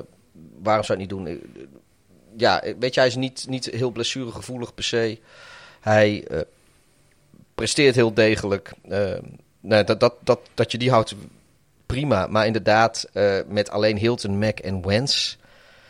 eh, Toch wat qua skillspelers op offense is het allemaal wel wat Ja. mager. Dus dan zou een Kyle Pitts bijvoorbeeld zou enorm geweldig zijn. Of die, die hoe weet je dat, die, die, die, die wide receiver die je zei. die waarschijnlijk die ook ergens in de top 7, top 8 van de draft wel, wel gaat.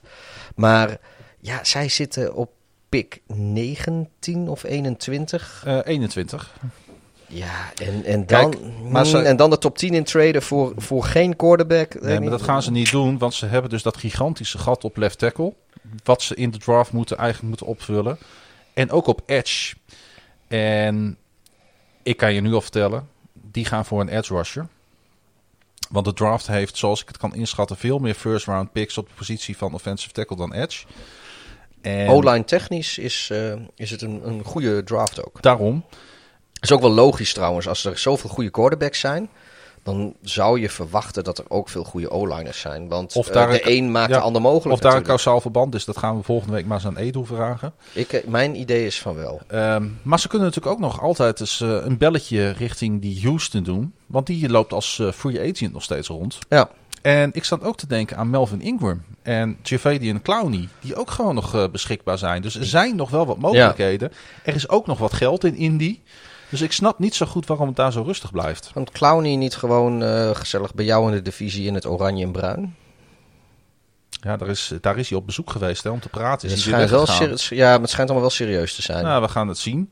ik en, zeg niet dat, ehm, het- maar goed, dat is het laatste wat ik weet. Als ik nu zou, eh, als ik nou een volle Mhm. euro in moest zetten op waar komt eh Jadavion Clowney straks terecht, dan is mijn geld eh, zet ik in op Cleveland. Oké. En tot slot is left tackle Russell Okung nog eh, beschikbaar.